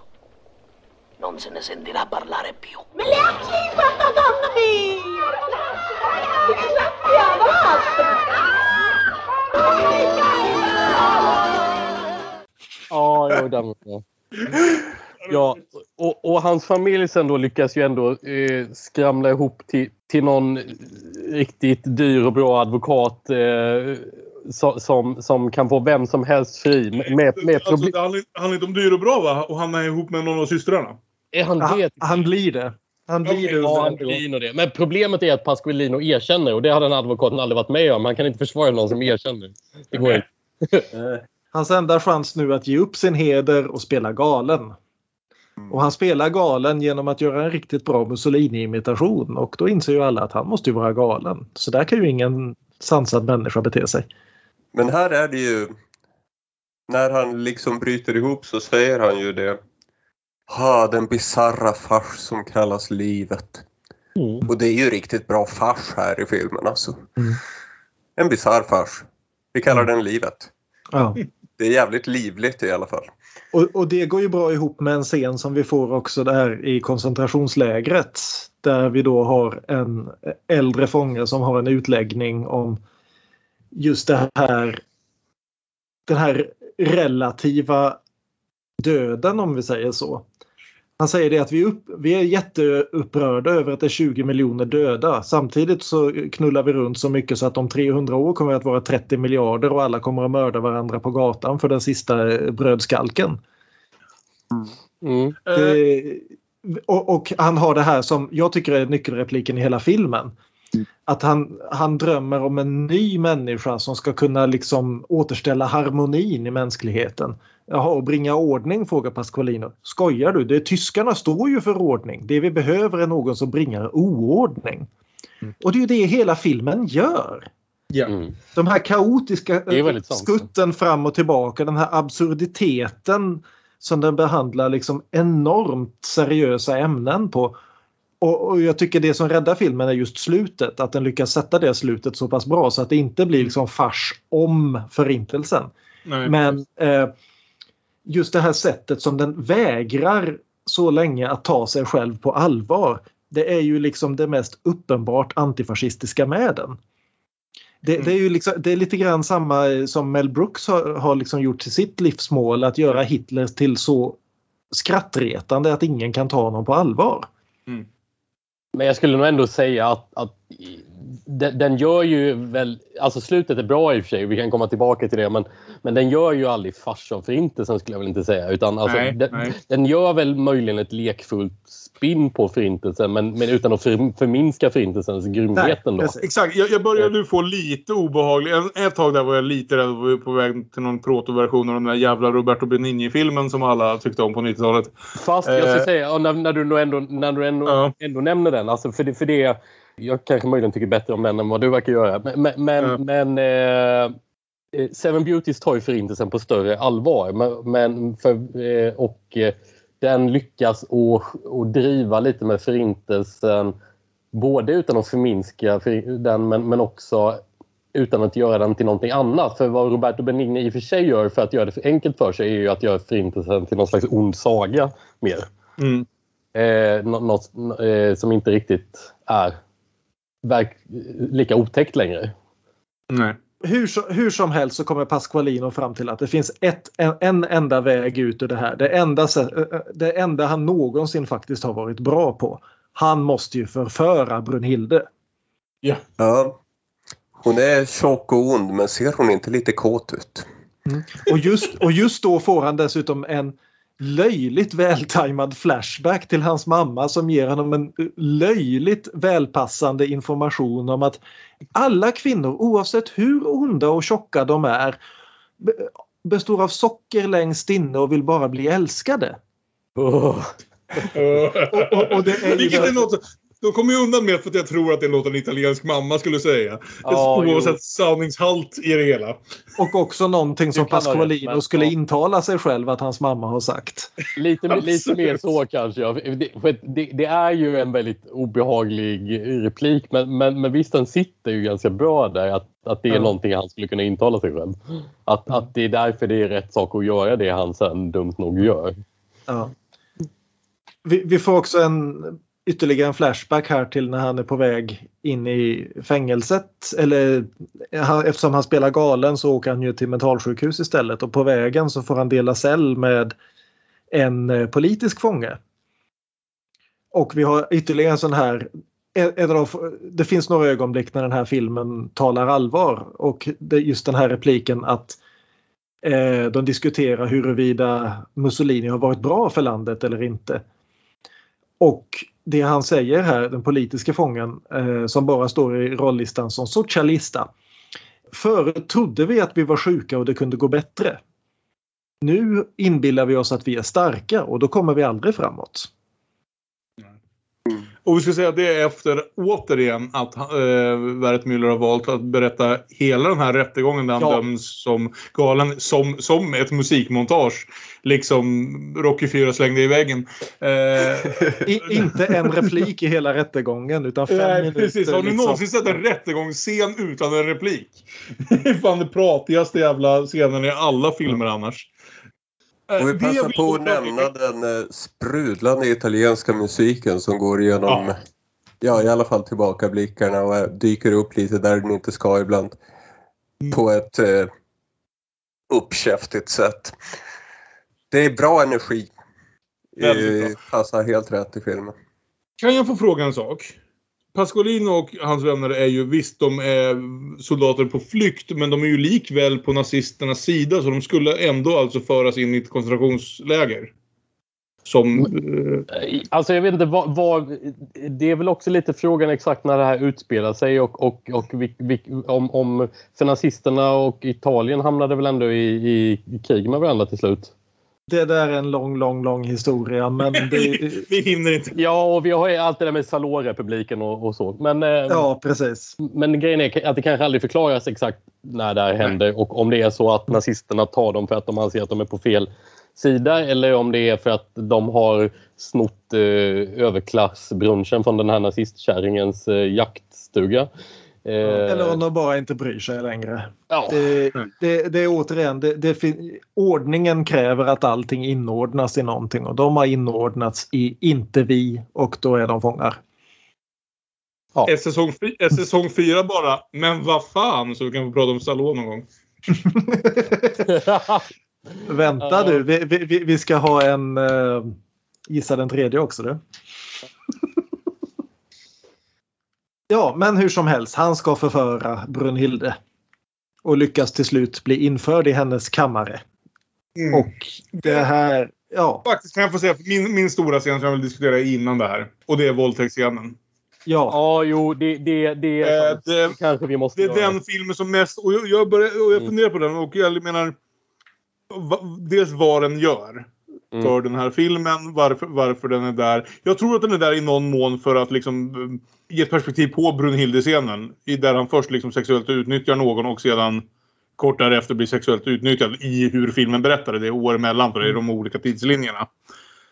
Men det är också en scen som börjar någonstans sam... Alltså tonen i den är konstigare och lite mer, man vet inte riktigt på vilket plan man ska ta den. Och, inte, och precis som det här vi har sagt att vissa saker helt enkelt är hur vi berättar saker på film har förändrats sedan 70-talet där det var på 70-talet helt okej att skratta åt tjocka fula kvinnor liksom.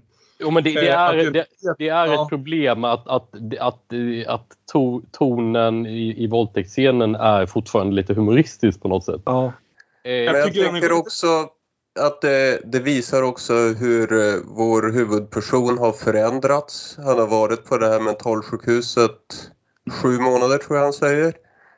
Och eh, tidigare har han varit en flamsbyxa men, eh, och en mördare men, eh, men mest av misstag. Ett snällt mord. Ja, Ehm, ja, men exakt. Det är det också nu, det är, nu det är är han i Se- någonting annat. Och Jo, men också alltså där på sjukhuset hur de lämnar fastbundna kvinnor utan uppsyn. Mm. Det, det är inte ett ställe som bryr sig. Nej, och vad heter det? Det är Ja. något just i det tror jag i hur... Och det här har vi ju lärt oss av all filmkonst att mord kan vara roligt, våldtäkt kan det inte. ja, Eh, men den här men det- filmen motbevisar väl inte precis det heller? Nej, nej exakt. Men det är, det är en annan ton i det än... Det är en to, annan ton i våldtäkten än alla andra brott vi ser Pasqualino begå. Eh, i, oavsett liksom vilken, vilken tidslinje eh, vi befinner oss i. Att nästan alltid annat kan det ses som lite skojfriskt. Lite, inte att han är en bra person på något sätt, för det är han väldigt tydligt inte. Men, men man kan någonstans, det är lite med glimten i ögat eller lite med att han är en, en riktig jäkel. Det här är något annat. Men det blir ju också vändningen för hans karaktär så Ja. efter det får han elchocker plötsligt och eh, det är då han väljer okej släpp ut mig härifrån, jag går med i armén. Mm. Så man Alltså, kan jag- skriva jag- in det i hans ark på det viset att vi inte ska tycka att det är roligt men det är ju någonting Och det gör mig också mindre benägen.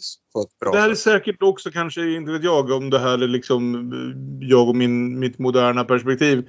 Men, men det är ju den handlingen som gör det svårt för mig att vilja hänga med på hans historia och bry mig om vad som faktiskt händer med honom i fånglägret efter det. Eh, Mm. Samtidigt, ja. Men, men alltså, ja, alltså problemet som jag tänker med, med våldtäktsscenen är, är, att, är att det är någon slags väldigt omotiverad humoristisk ton som, får, som gör, gör mig tveksam då. Eh, när jag, när, när jag först ser scenen. Vad, vad, eh, vad är poängen med detta? Alltså, så, så här kan man inte berätta en, om, om ett övergrepp. Men Jag, jag tror att poängen är från Wertmüllers sida 1974 när det förmodligen filmas. Alltså jag föreställer mig det här. Att hon vill påpeka på något sätt att, att kanske att, att många övergrepp sker av män mot kvinnor som kanske ändå aldrig ses som så. Jag menar det är ju typ bokstavligt talat en humoristisk scen tidigare i filmen när han klappar alla kvinnor han känner på ändan. Eh, ja. Sådär va.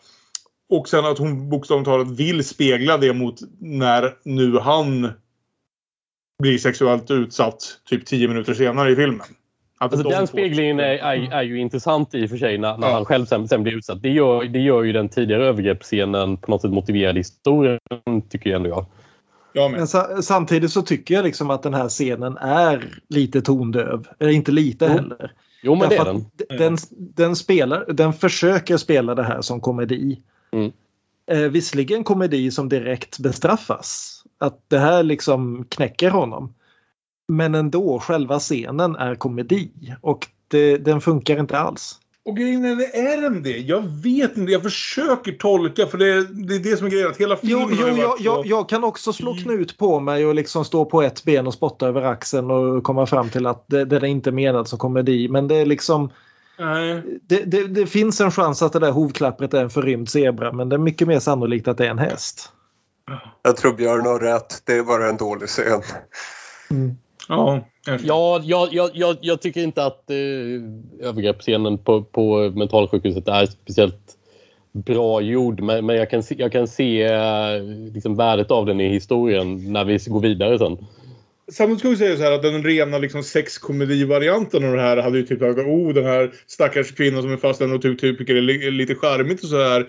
Eller liksom typ nästan tycker det är lite spännande när det kommer någon karl och tafsar på henne. Men den visar ju samtidigt väldigt tydligt hur emot det här hon är. Hon är ju liksom inte alls i en situation där hon på något sätt liksom uppskattar det här eller så här. Du vet liksom om man går till de grövre Jo, exemplen. men, men, men vi får också tänka på till, exempel det här är inte så många år efter att liksom James Bond på kul kunde våldta en kvinna och alla fortfarande, Ja, nej, och, och liksom alla fortfarande tycker att han var hjälten i den situationen. Liksom. Det, det har hänt Det- saker sedan 1974. Ja, nej, alltså det, det är utan tvekan den scenen som, som ger mig mest problem med filmen. Någonting med den funkar inte längre. Någonting med den sticker helt jävla fel ut. Och känns väldigt obehagligt. Ja. Men det gör ju som sagt också den uppföljande scenen här. Där han då mer eller mindre blir tvingad att försöka förföra den här nazistiska kvinnan som inte alls har något socker i sig. Som faktiskt bara är en ren sadist. Hon säger ju rakt ut på den här liksom fantastiska EU-vänliga repliken Si tu non fick tu kaput. Och eh, ja, han blir i alla fall belönad efter den här väldigt, väldigt... Längsta scenen i filmen va? Det är en Ja. kvart typ. Och en enormt obeha liksom obehaglig men samtidigt försöker humori den, den lyckas mer, bättre med att vara humoristisk runt det här. Delvis därför att vi är mindre benägna att se en kvinnlig våldtäkt av en man som ett övergrepp. Alltså den här tycker jag också, det är något med det här gröna ljuset. Alltså, det är ju Ja. det som är grejen av allt det här. Allt det här är så jävla välgjort. Alltså det är en jobbig scen att se samtidigt som den har vissa humoristiska grejer. Alltså absolut va, men, men den här scenen tycker jag ändå någonstans i sig självt som en, ett verk är en lyckad scen till skillnad från Ja. tidigare. Ja. Inte minst för att det här filmen vänder från att bli en, vara en fars till att vara en tragedi. Mm. Och den gör det så liksom den tar oss igenom den här scenen som börjar som komedi. Liksom, lägerfången som ska förföra Ilsa She-Wolf of the SS. Mm. Och verkligen är patetisk och hon tycker han är patetisk.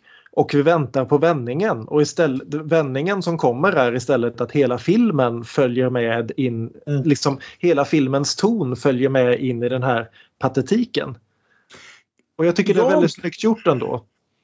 Jag har en tanke här också om det är någonting att vi här... Att efter båda de två våldtäktsscenerna rätt på varann. Att vi ska ändra vår bild även av Pasqualino vem han var tidigare. Om man tyckte att han var någonstans, lite det här han såg sig själv som, som du sa, en Looney karaktär tidigare.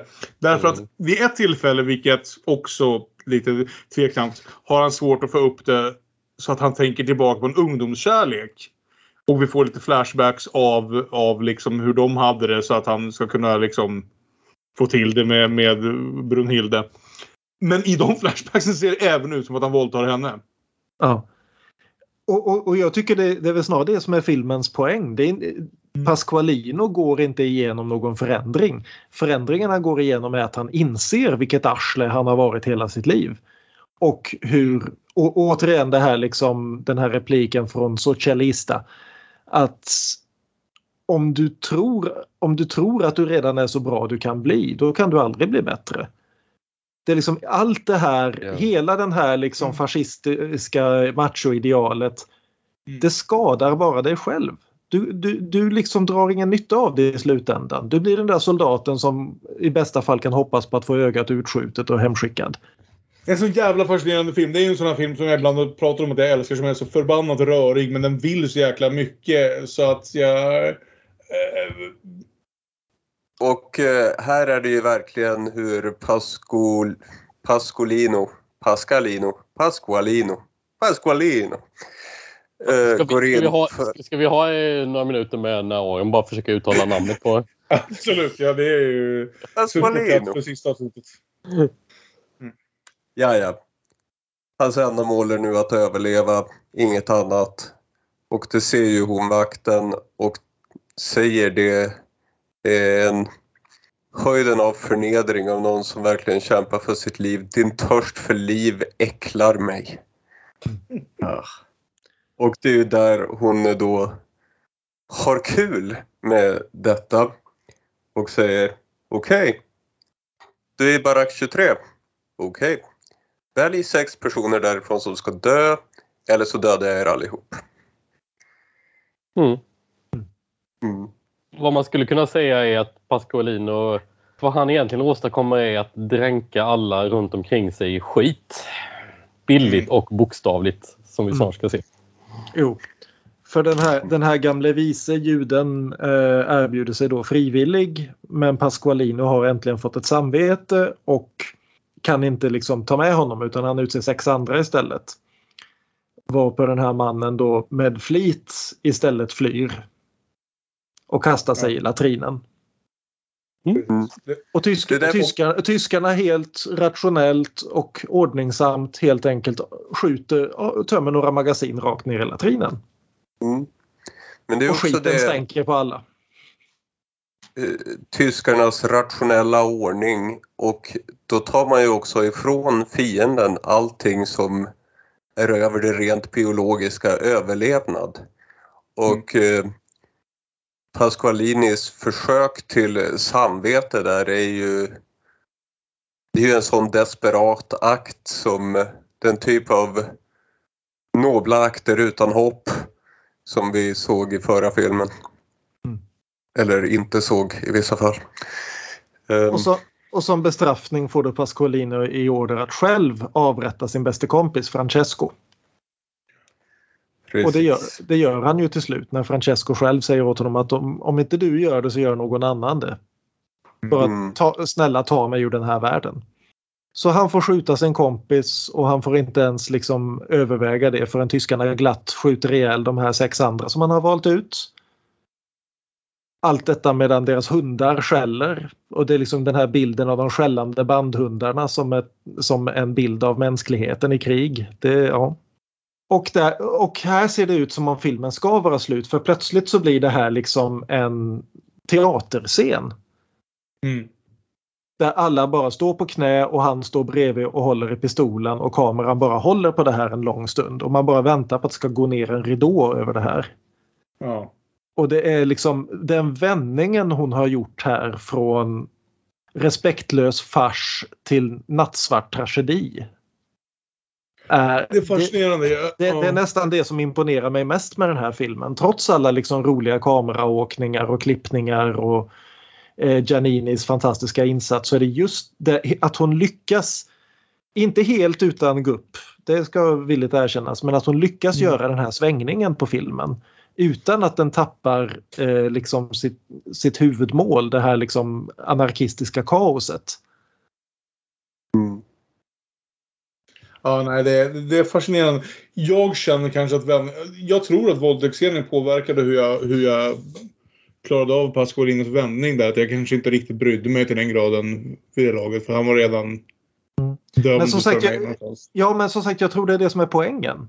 Det, Ja. det är liksom filmen dömer honom för den han är. Och han dömer sig själv för den han är. Och det är, inte, det är inte en fråga om att han vänder. Det är en fråga om att liksom fjällen faller från hans ögon om vi ska fortsätta med bibelspråket här. Liksom. Ja, okej, ja. Det, ja. det, det, är liksom, det finns ingen frälsning i att han inser vem han är. För det ser vi här i slutet också då när han kommer hem till Neapel igen. Och eh, alla kvinnorna har nu börjat flörta med amerikanska soldater istället. Ja. Och han, förklar, han eh, erbjuder sig direkt att gifta sig med en ung kvinna som förälskade sig i honom vid hans rättegång. Ja, och till och med tidigare va, när hon står där och hon försöker sjunga och säger att alla retas Ja med just det, det är hon hon ja. Det är hon, ja. Ja. ja. Det slutar i Och alla fall han med att- försökte prata om, med henne om ära där i början. Ja, och hon precis. skulle inte bli en hora. Mm. Och eh, hon blev en hora under kriget. Men, Ja. men det blev ju han också. Ja, Så och hon har i alla fall vett att ta betalt för sig så det är ju bra. Och nu ska vi skaffa många barn så att, vi kan, så att de kan klara sig i det kommande kriget. Och så slutar det med att hans mamma kommer in och liksom är så glad över att han lever och nu ska vi inte tänka på det där längre och glöm allt du har varit med om och allting blir bra. Det, se inte bakåt. Tänk inte på allt det där. Du lever ju. Non più a. Pascal, tu sei viva. Viva!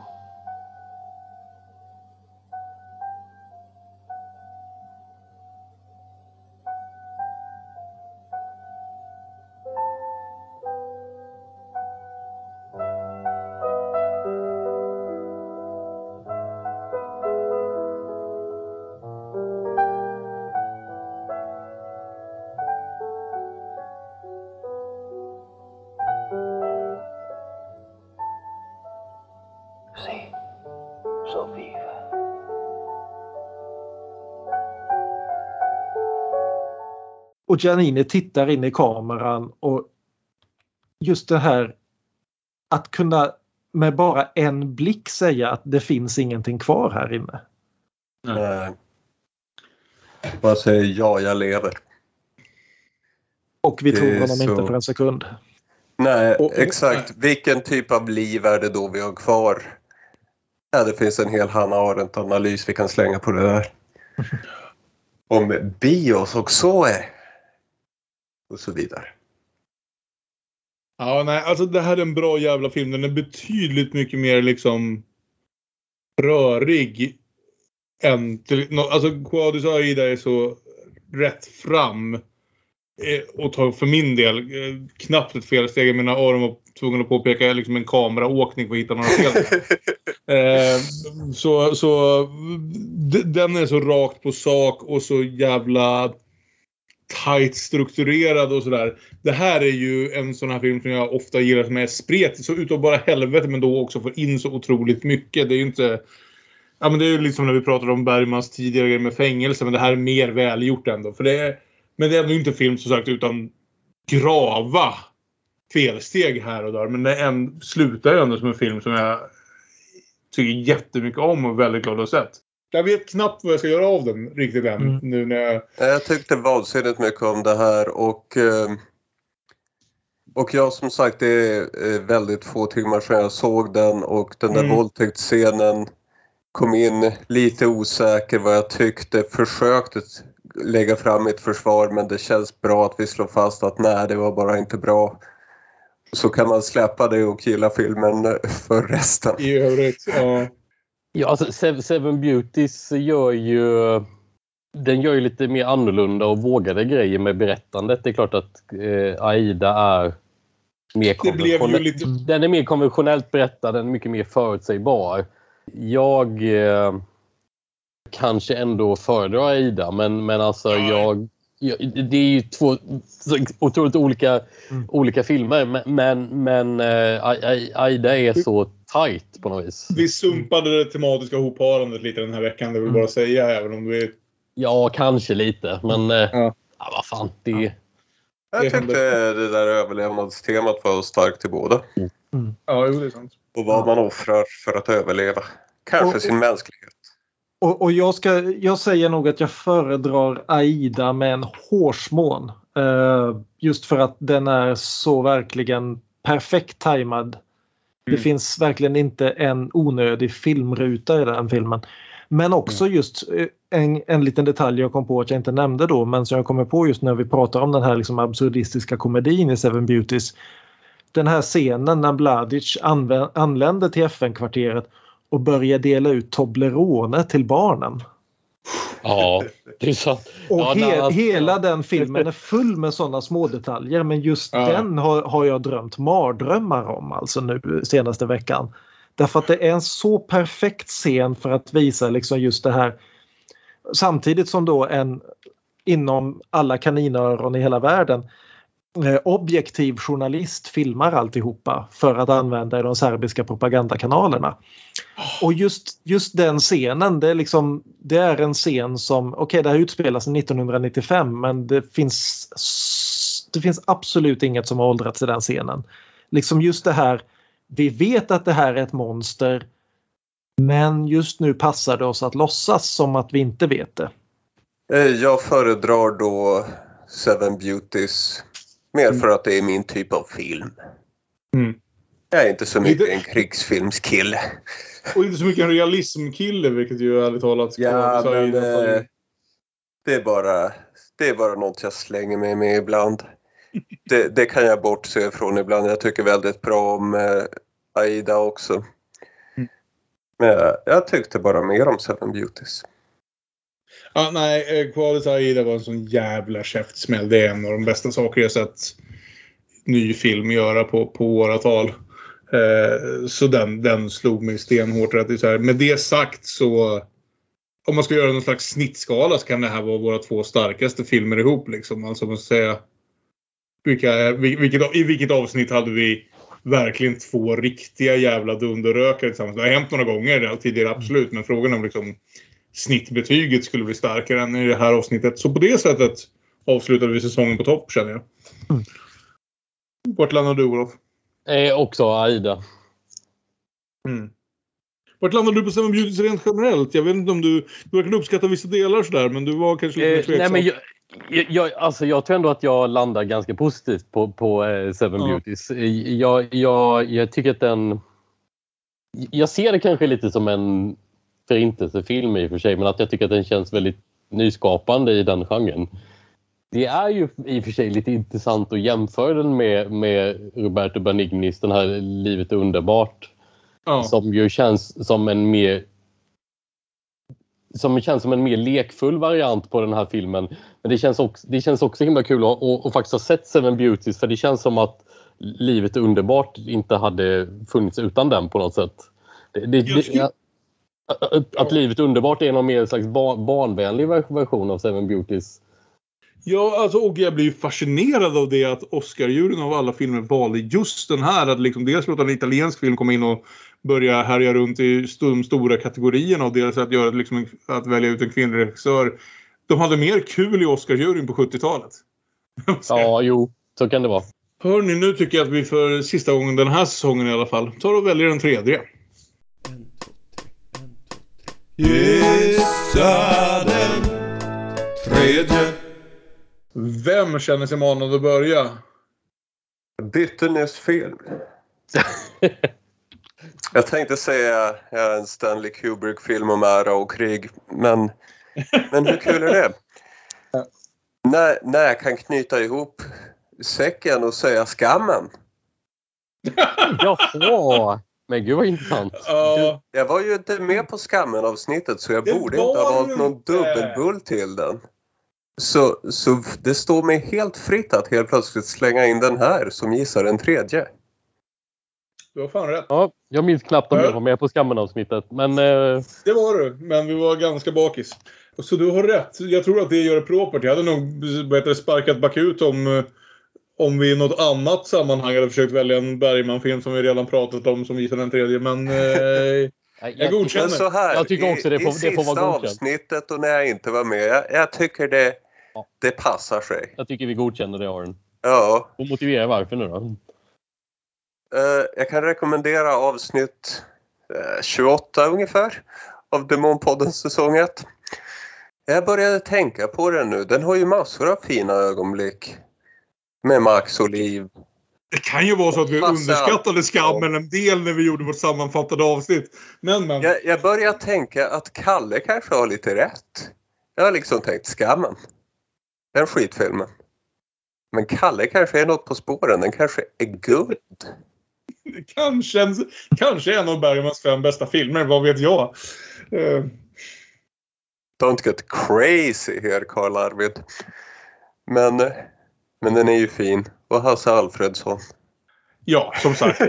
men det, det är ju en film som behandlar just många och samma ämnen. player. Ja, just det. Där fick Fan. jag till det. Där fick du till det. Det tog mig ett tag. När som helst så gör jag klart sammanfattningen av eh, Seven Beauties också. Toppen. Eh, ni kan få lyssna som sagt. På, gå tillbaka i, i flödet om ni har hoppat på under kvinnofilmssäsongen. Och, och eh, lyssna på USA om skammen. Eh, när det begav sig. Det är mitt mest förvirrade avsnitt. Eh, kanske någonsin. Men ändå. Kanske ett av de Eh, bättre. Olof. Ja, jag, jag tror att jag eh, tipsar om en förintelsefilm. Det är ju en ganska crowded genre eh, såklart. Det, det krävs en del för att en film ska sticka ut eller tillföra något nytt. Och, eh, man kan fundera på om den här filmen gör det eller inte men det känns, som ett, det, det känns som en film som jag tyckte var tråkig först när jag såg den men som ändå har fortsatt tänka på på något sätt. Så därför tänkte jag ändå ta upp den. Den heter i alla fall eh, eh, The Testament, en film från 2017. Kan jag bara få se hur kul det hade varit om Olof hade kommit in med Showa som en film som kändes lite tråkig till först. Med tanke på att den är nio och en halv timme lång. Nej, det var inte det. Det var inte så. Nej, det var, det var The Testament från 2017. Eh, det, det är en ganska eh, smal eh, liten film jag kan, eh, som kan, förmodligen inte så många har sett. Det är, det är inte en, eh, det är inte en andra världskrigsfilm. Det är en, det är en nutidshistoria som fokuserar på eh, vårt minne av Förintelsen och hur vi, hur vi som kollektiv och enskilda människor hanterar det som hände, i vilken mån vi ska låta det påverka oss när vi går framåt. I- Och, ehm, i, I centrum så står en judisk historiker som forskar på Förintelsen. Han, han har kört fast i, i, i forskningen av... Han, han forskar kring en väldigt specifik händelse och vad som hände med en, en specifik grupp judiska tvångsarbetare när de eventuellt föll offer för en massaker i en österrikisk by under kriget. Och eh, då filmen handlar väl om eh, Alltså vad händer när alla ögonvittnen till, till händelser som, som den här är eller mycket snart kommer vara döda? Vad kommer det betyda för oss som, som, som samhälle och, och som individer? Och, eh, eh, alltså vi, vi, vi enas om att det är något jättehemskt som inte ska händas igen, men, men, men vad betyder det mer än det? Ska vi sätta upp ett minnesmärke? Ska vi bygga lite nya radhus och ge området nytt liv eller vad ska vi göra? Och eh, den här historikern eh, han kastas in i, i den österrikiska bygglovsbyråkratin helt enkelt och kämpar för att bevara det här området som det såg ut strax efter kriget. Så, så att det, det här är inte en obetydlig del av filmen så att det, är en, det är en väldigt bra film för folk som är intresserade av bygglovsbyråkrati förut. det tilltalade mig kanske lite grann med den. Men, men, eh, men alltså det, det, går, det, det är en film med flera lager ska man säga. För att det är också, ju mer han gräver då i arkiven så, så för att övertyga byggnadsnämnden så ju mer han lär sig om den här händelsen eh, i, i, inom förintelsen så, så börjar han mer och mer ifrågas...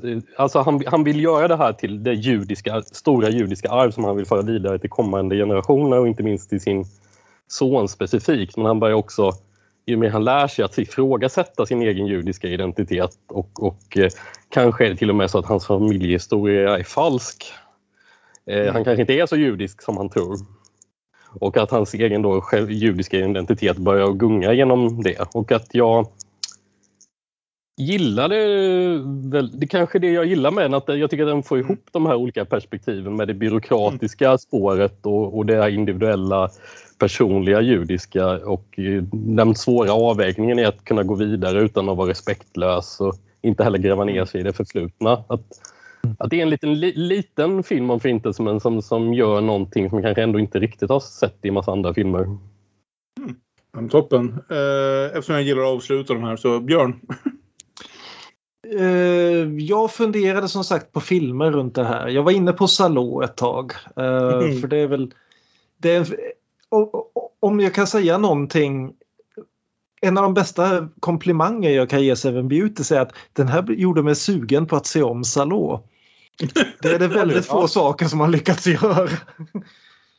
Men eh, till slut så kom jag fram till att det finns ingen film, åtminstone inte som jag har sett, som vill göra det. Som lyckas göra det i alla fall, som jag vill snacka om här, nämligen som Olof snuddade vid också just det här med hur hanterar vi massdöd? Hur hanterar vi massmord på en industriell skala? Och det enkla svaret är att det gör vi, det har vi alltid gjort. Det är liksom, eh, någon gjorde för några år sedan en uträkning på liksom, de största folkmorden i förhållande till världsbefolkning. Och då hamnade liksom hela andra världskriget inklusive både Hitler och Stalin någonstans långt ner på en femte sjätte plats. Långt efter Genghis khan och diverse kinesiska härskare och så vidare. Men allt det här det lär vi oss hantera helt enkelt. Folk dödar varandra, ibland så utplånas hela folk. Då bygger vi nya städer ovanpå där de folken var. Den stora skillnaden är att nu för tiden så har vi kameror och kan liksom dokumentera det här och folk är skrivkunniga och kan skriva ner sina upplevelser av det på ett sätt som de kanske inte kunde på 900-talet. Och det är en positiv förändring att vi liksom låter det här gå vidare. Men så den, det verk jag kommer fram till här det är som sagt inte en film utan jag ska återigen tipsa om en bok och då ska jag tipsa om en av mina absoluta favoritromaner nämligen Thomas Pynchons Gravity's Rainbow som är en bok många liksom viftar bort. Ja men det är någon sån här konstig jävla liksom formexperiment som är oläslig och ofilmbar är den absolut. Det finns inte en chans att någon någonsin kommer ens kunna göra. Det, det går inte. Men just det här att det är en bok som någonstans under all den här bajshumorn, lite som Seven Beauties faktiskt, bajshumor och postmodern humor och alla passningar fram och tillbaka till alla möjliga saker som omöjligtvis kan ha hänt under 40-talet. För den utspelar sig under andra världskrigets slutskede. Så finns det en sån ilska och en sån sorg i den boken. Och just det här att den spänner då en båge mellan två folkmord. Mellan förintelsen men också med tyska kejsardömets folkmord på Herero-folket i Namibia på, i början av seklet. Genom att då låta en av ättlingarna till det här folkmordet komma tillbaka till Tyskland med en egen trupp av namibier som ska leda fram till någonting. Eh, jag ska inte ens försöka förklara vad som händer i slutet av boken. För det är väldigt... Teorierna går från att någon spränger en bomb till att Pynchon avrättar läsaren. Men just det här att hela den här boken så galen och så rolig och så oläsbar som den ofta är så genomsyras den av all den här döden som vi bygger vår fina kultur ovanpå. Och, och när tillräckligt många generationer har gått förvandla till något annat. Till bara liksom ett ortsnamn här eller där eller någon konstig historia som ingen längre minns exakt vad den betyder och så vidare. Och bara som Bergman-koppling så kan vi nämna att ett av hundratals, tusentals skämt i den här boken som bara är liksom en blinkning till någonting. Att det vid något tillfälle talas om att allting har gått åt helvete sen vi hade den där Bengt Ekeroth Maria Casares filmfestivalen. Det vill säga två skådisar som är kända för att ha spelat döden. Och, och liksom just det här att allt det här finns alltid och skrapar du till och med här uppe i Sverige där vi ändå inte haft några, eh, om du inte räknar norr om Dalälven, eh, några Nej. försök till folkmord sedan stenåldern åtminstone, så lever vi ändå liksom med resultaten av alla de här sakerna. Och vi lever i en kultur som till stora delar är byggd på gravar från folk som aldrig fick föra sin egen talan i historien. Mm. Och då tycker jag att Gravity's Rainbow i all sin jävla galenskap och all sin heliga vrede är det verk som fångar det här bättre än något annat. Sen så har det sagts mycket bättre saker om de specifika brotten. Pynchon är inte en som nödvändigtvis ska ta, behöver tala vare sig för judar eller för namibier. Men eh, just som en betraktelse av vad all denna död gör med mänskligheten så tycker jag den är svårslagen. Mm. Eh, att gå på scen efter att Björn har fått tala om Thomas Pynchon får en att förstå varför vi har förband snarare än efterband. Eh, men eh, eh, jag ska försöka. Jag tänkte tipsa om en av de senaste årens bästa filmer som jag typ aldrig någonsin hört, talas, har, hört någon annan prata särskilt mycket om. Eh, och det är Jurij Bykovs Durak, ett ryskt, en rysk film från 2014. Eh, som är en minst lika byråkratikritisk film som Quavadis Aida samtidigt som den ganska ofta fungerar som en väldigt svart komedi. Lite liknande Seven Beauties. Eh, och det är Jag tror det lättaste sättet att förklara handlingen på något sätt förklarar tonen. Vilket är att helt plötsligt går det läck på ett rör i ett sånt här stort som ni ser betonghyreshus i, någonstans i en halvstor rysk stad. Och rörmokaren som kommer dit har pluggat lite för han vill få ett bättre jobb. Så han har läst lite, vad heter det, inte infrastruktur men han, har, han eh, vill lära sig att bygga hus. Så han förstår lite mer om det här än vad din vanliga rörmokare kanske gör. Och han tittar på den här sprickan i väggen. Och han går ner en våning till och tittar och ser att sprickan fortsätter. Och han kommer fram till det här genom det här han har lärt sig genom att plugga att ja, det här huset kommer falla och alla inne i det kommer dö inom gissningsvis ett till två dygn. Eh, vi borde förmodligen göra någonting åt den här saken. Så han kontaktar borgmästaren. Men borgmästaren vet ju det som är sant inom rysk byråkrati. Nämligen att orsaken till att det här huset kommer falla är att alla pengarna som skulle använts för uppehåll på huset har gått till eh, i diverse fickor samt till att muta inspektörerna så de säger att huset är helt okej. Okay. Eh, och den här rörmokaren vill rädda människors liv.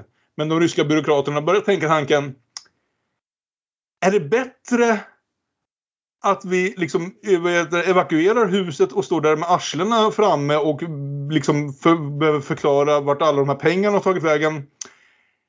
Eller är det bättre om vi mutar alternativt gör oss av med alla som vet om att det här håller på att hända och sen säger men herregud vilken tragisk olycka, hur kunde det ha skett? Ibland vill Gud bara sådana här saker. Och det blir en väldigt liksom en konstig historia som också har lite den här Quadis Aida stämningen i att den är nästan i realtid känns det som ibland. I alla fall under liksom en natt. När den här rörmokaren försöker hitta typ en godhjärtad byråkrat i en rysk småstad som inte börjar tänka på att liksom täcka arslet snarare än att försöka rädda människoliv. Eh, samtidigt som byråkratin börjar slå knut på sig själv för att förklara hur något sånt här kan hända i en stad där många pengar har gått in men ganska lite pengar faktiskt har gått ut dit de ska. Den är fruktansvärt effektiv på allt det här. Det blir liksom halvvägs en thriller men också ganska, ibland med ganska hårda satirelement. Och jag är helt jävla inne på den här filmen. Den, den, jag rekommenderar den varmt just därför att jag känner att den har inte talats jättemycket om. Det, och jag kände att den passade in i det här. Att just byråkratikritiken och sådär är väldigt likt det vi ser i Quadis Aida. Men, men den är inte helt utan sin väldigt, väldigt mörka humor någonstans. Inte minst för att den till skillnad från Quadis Aida inte behöver hantera verkliga händelser. Utan, utan ändå Alltså, det skulle inte förvåna mig ett jävla dugg om liknande händelser har skett i Ryssland men den påstår sig i alla fall inte berätta en sann historia. Grenfell Tower inte... någon? Vad sa du? Grenfell Tower i London. Ja, ja, precis. Nej, men det har nog inte pratats mycket om den, om, om den filmen och jag har inte, inte sett den. Men det låter verkligen eh, superintressant. Och det, ja. det, det, det är, jag vet inte om den har en svensk titel, men den heter The Fool på engelska. Det är den va? Ja, Precis, ja. så inte att missförstå. Alltså, säkert möjligen som en spelning på Idioten av en annan känd ryss.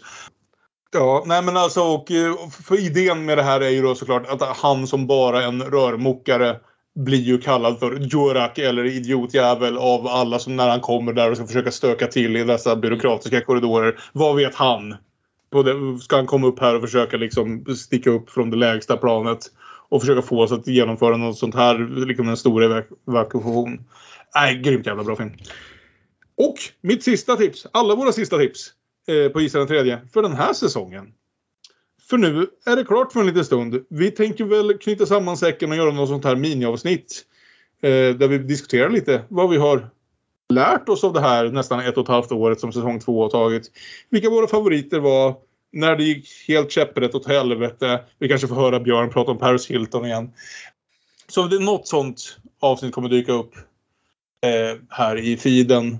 Men vi ska väl hinna med en liten låt, en sista liten låt till för säsongen. Eller vad säger du Björn? Mm. Vi får väl ta en låt som eh, använder krig som metafor för kärlek och vända tillbaka den metafor, metaforen ett varv till. Så vi kör PJ Harveys och John Parrish ska vi säga, eh, Civil War Correspondent. Mm. Toppen. Och ja, vi har ju pratat lite om det här och kommer säkert prata mer om det i det här miniavsnittet. Men nästa säsong kommer handla om det som brett brukar kallas för remakes. Eller i alla fall varje avsnitt kommer handla om två varianter på en historia.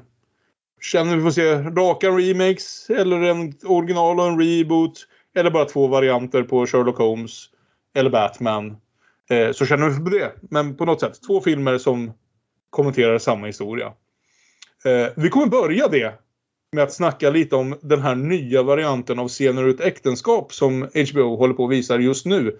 Därför att eh, Scener ur ett äktenskap har vi pratat om ganska mycket förut. Jag tror det är närmare fyra timmar om ni letar er tillbaka till de avsnitten av vår första Bergman-säsong. Det ska bli kul. Vi får se när det händer. Vi kanske tar en liten paus, andas lite grann. Det är mycket i alla våra liv just nu. Men vi kommer att återkomma. Ja. Ni kan ju som... Ja, bra, skönt. Alla känner för det. Kanske borde dubbelkolla. det. Det kanske någon som bara Nej, jag trodde det var klart. Eh, Vad sitter han och säger? Ni kan som alltid nå oss genom sociala medierna. Vi är att Damonpodden på Instagram och på Twitter. Vi är Damonpodden med Ä på Facebook. Ni kan mejla damonpodden gmail.com. Fin avslutning hörni, fina filmer. Tack för att ni har varit här med, med oss, ni lyssnare. Och tack för att ni har varit här med mig, mina vänner. Alltid lika roligt. Ha det så bra, jag älskar er. Hej då. Så gott. Godnatt. Puss.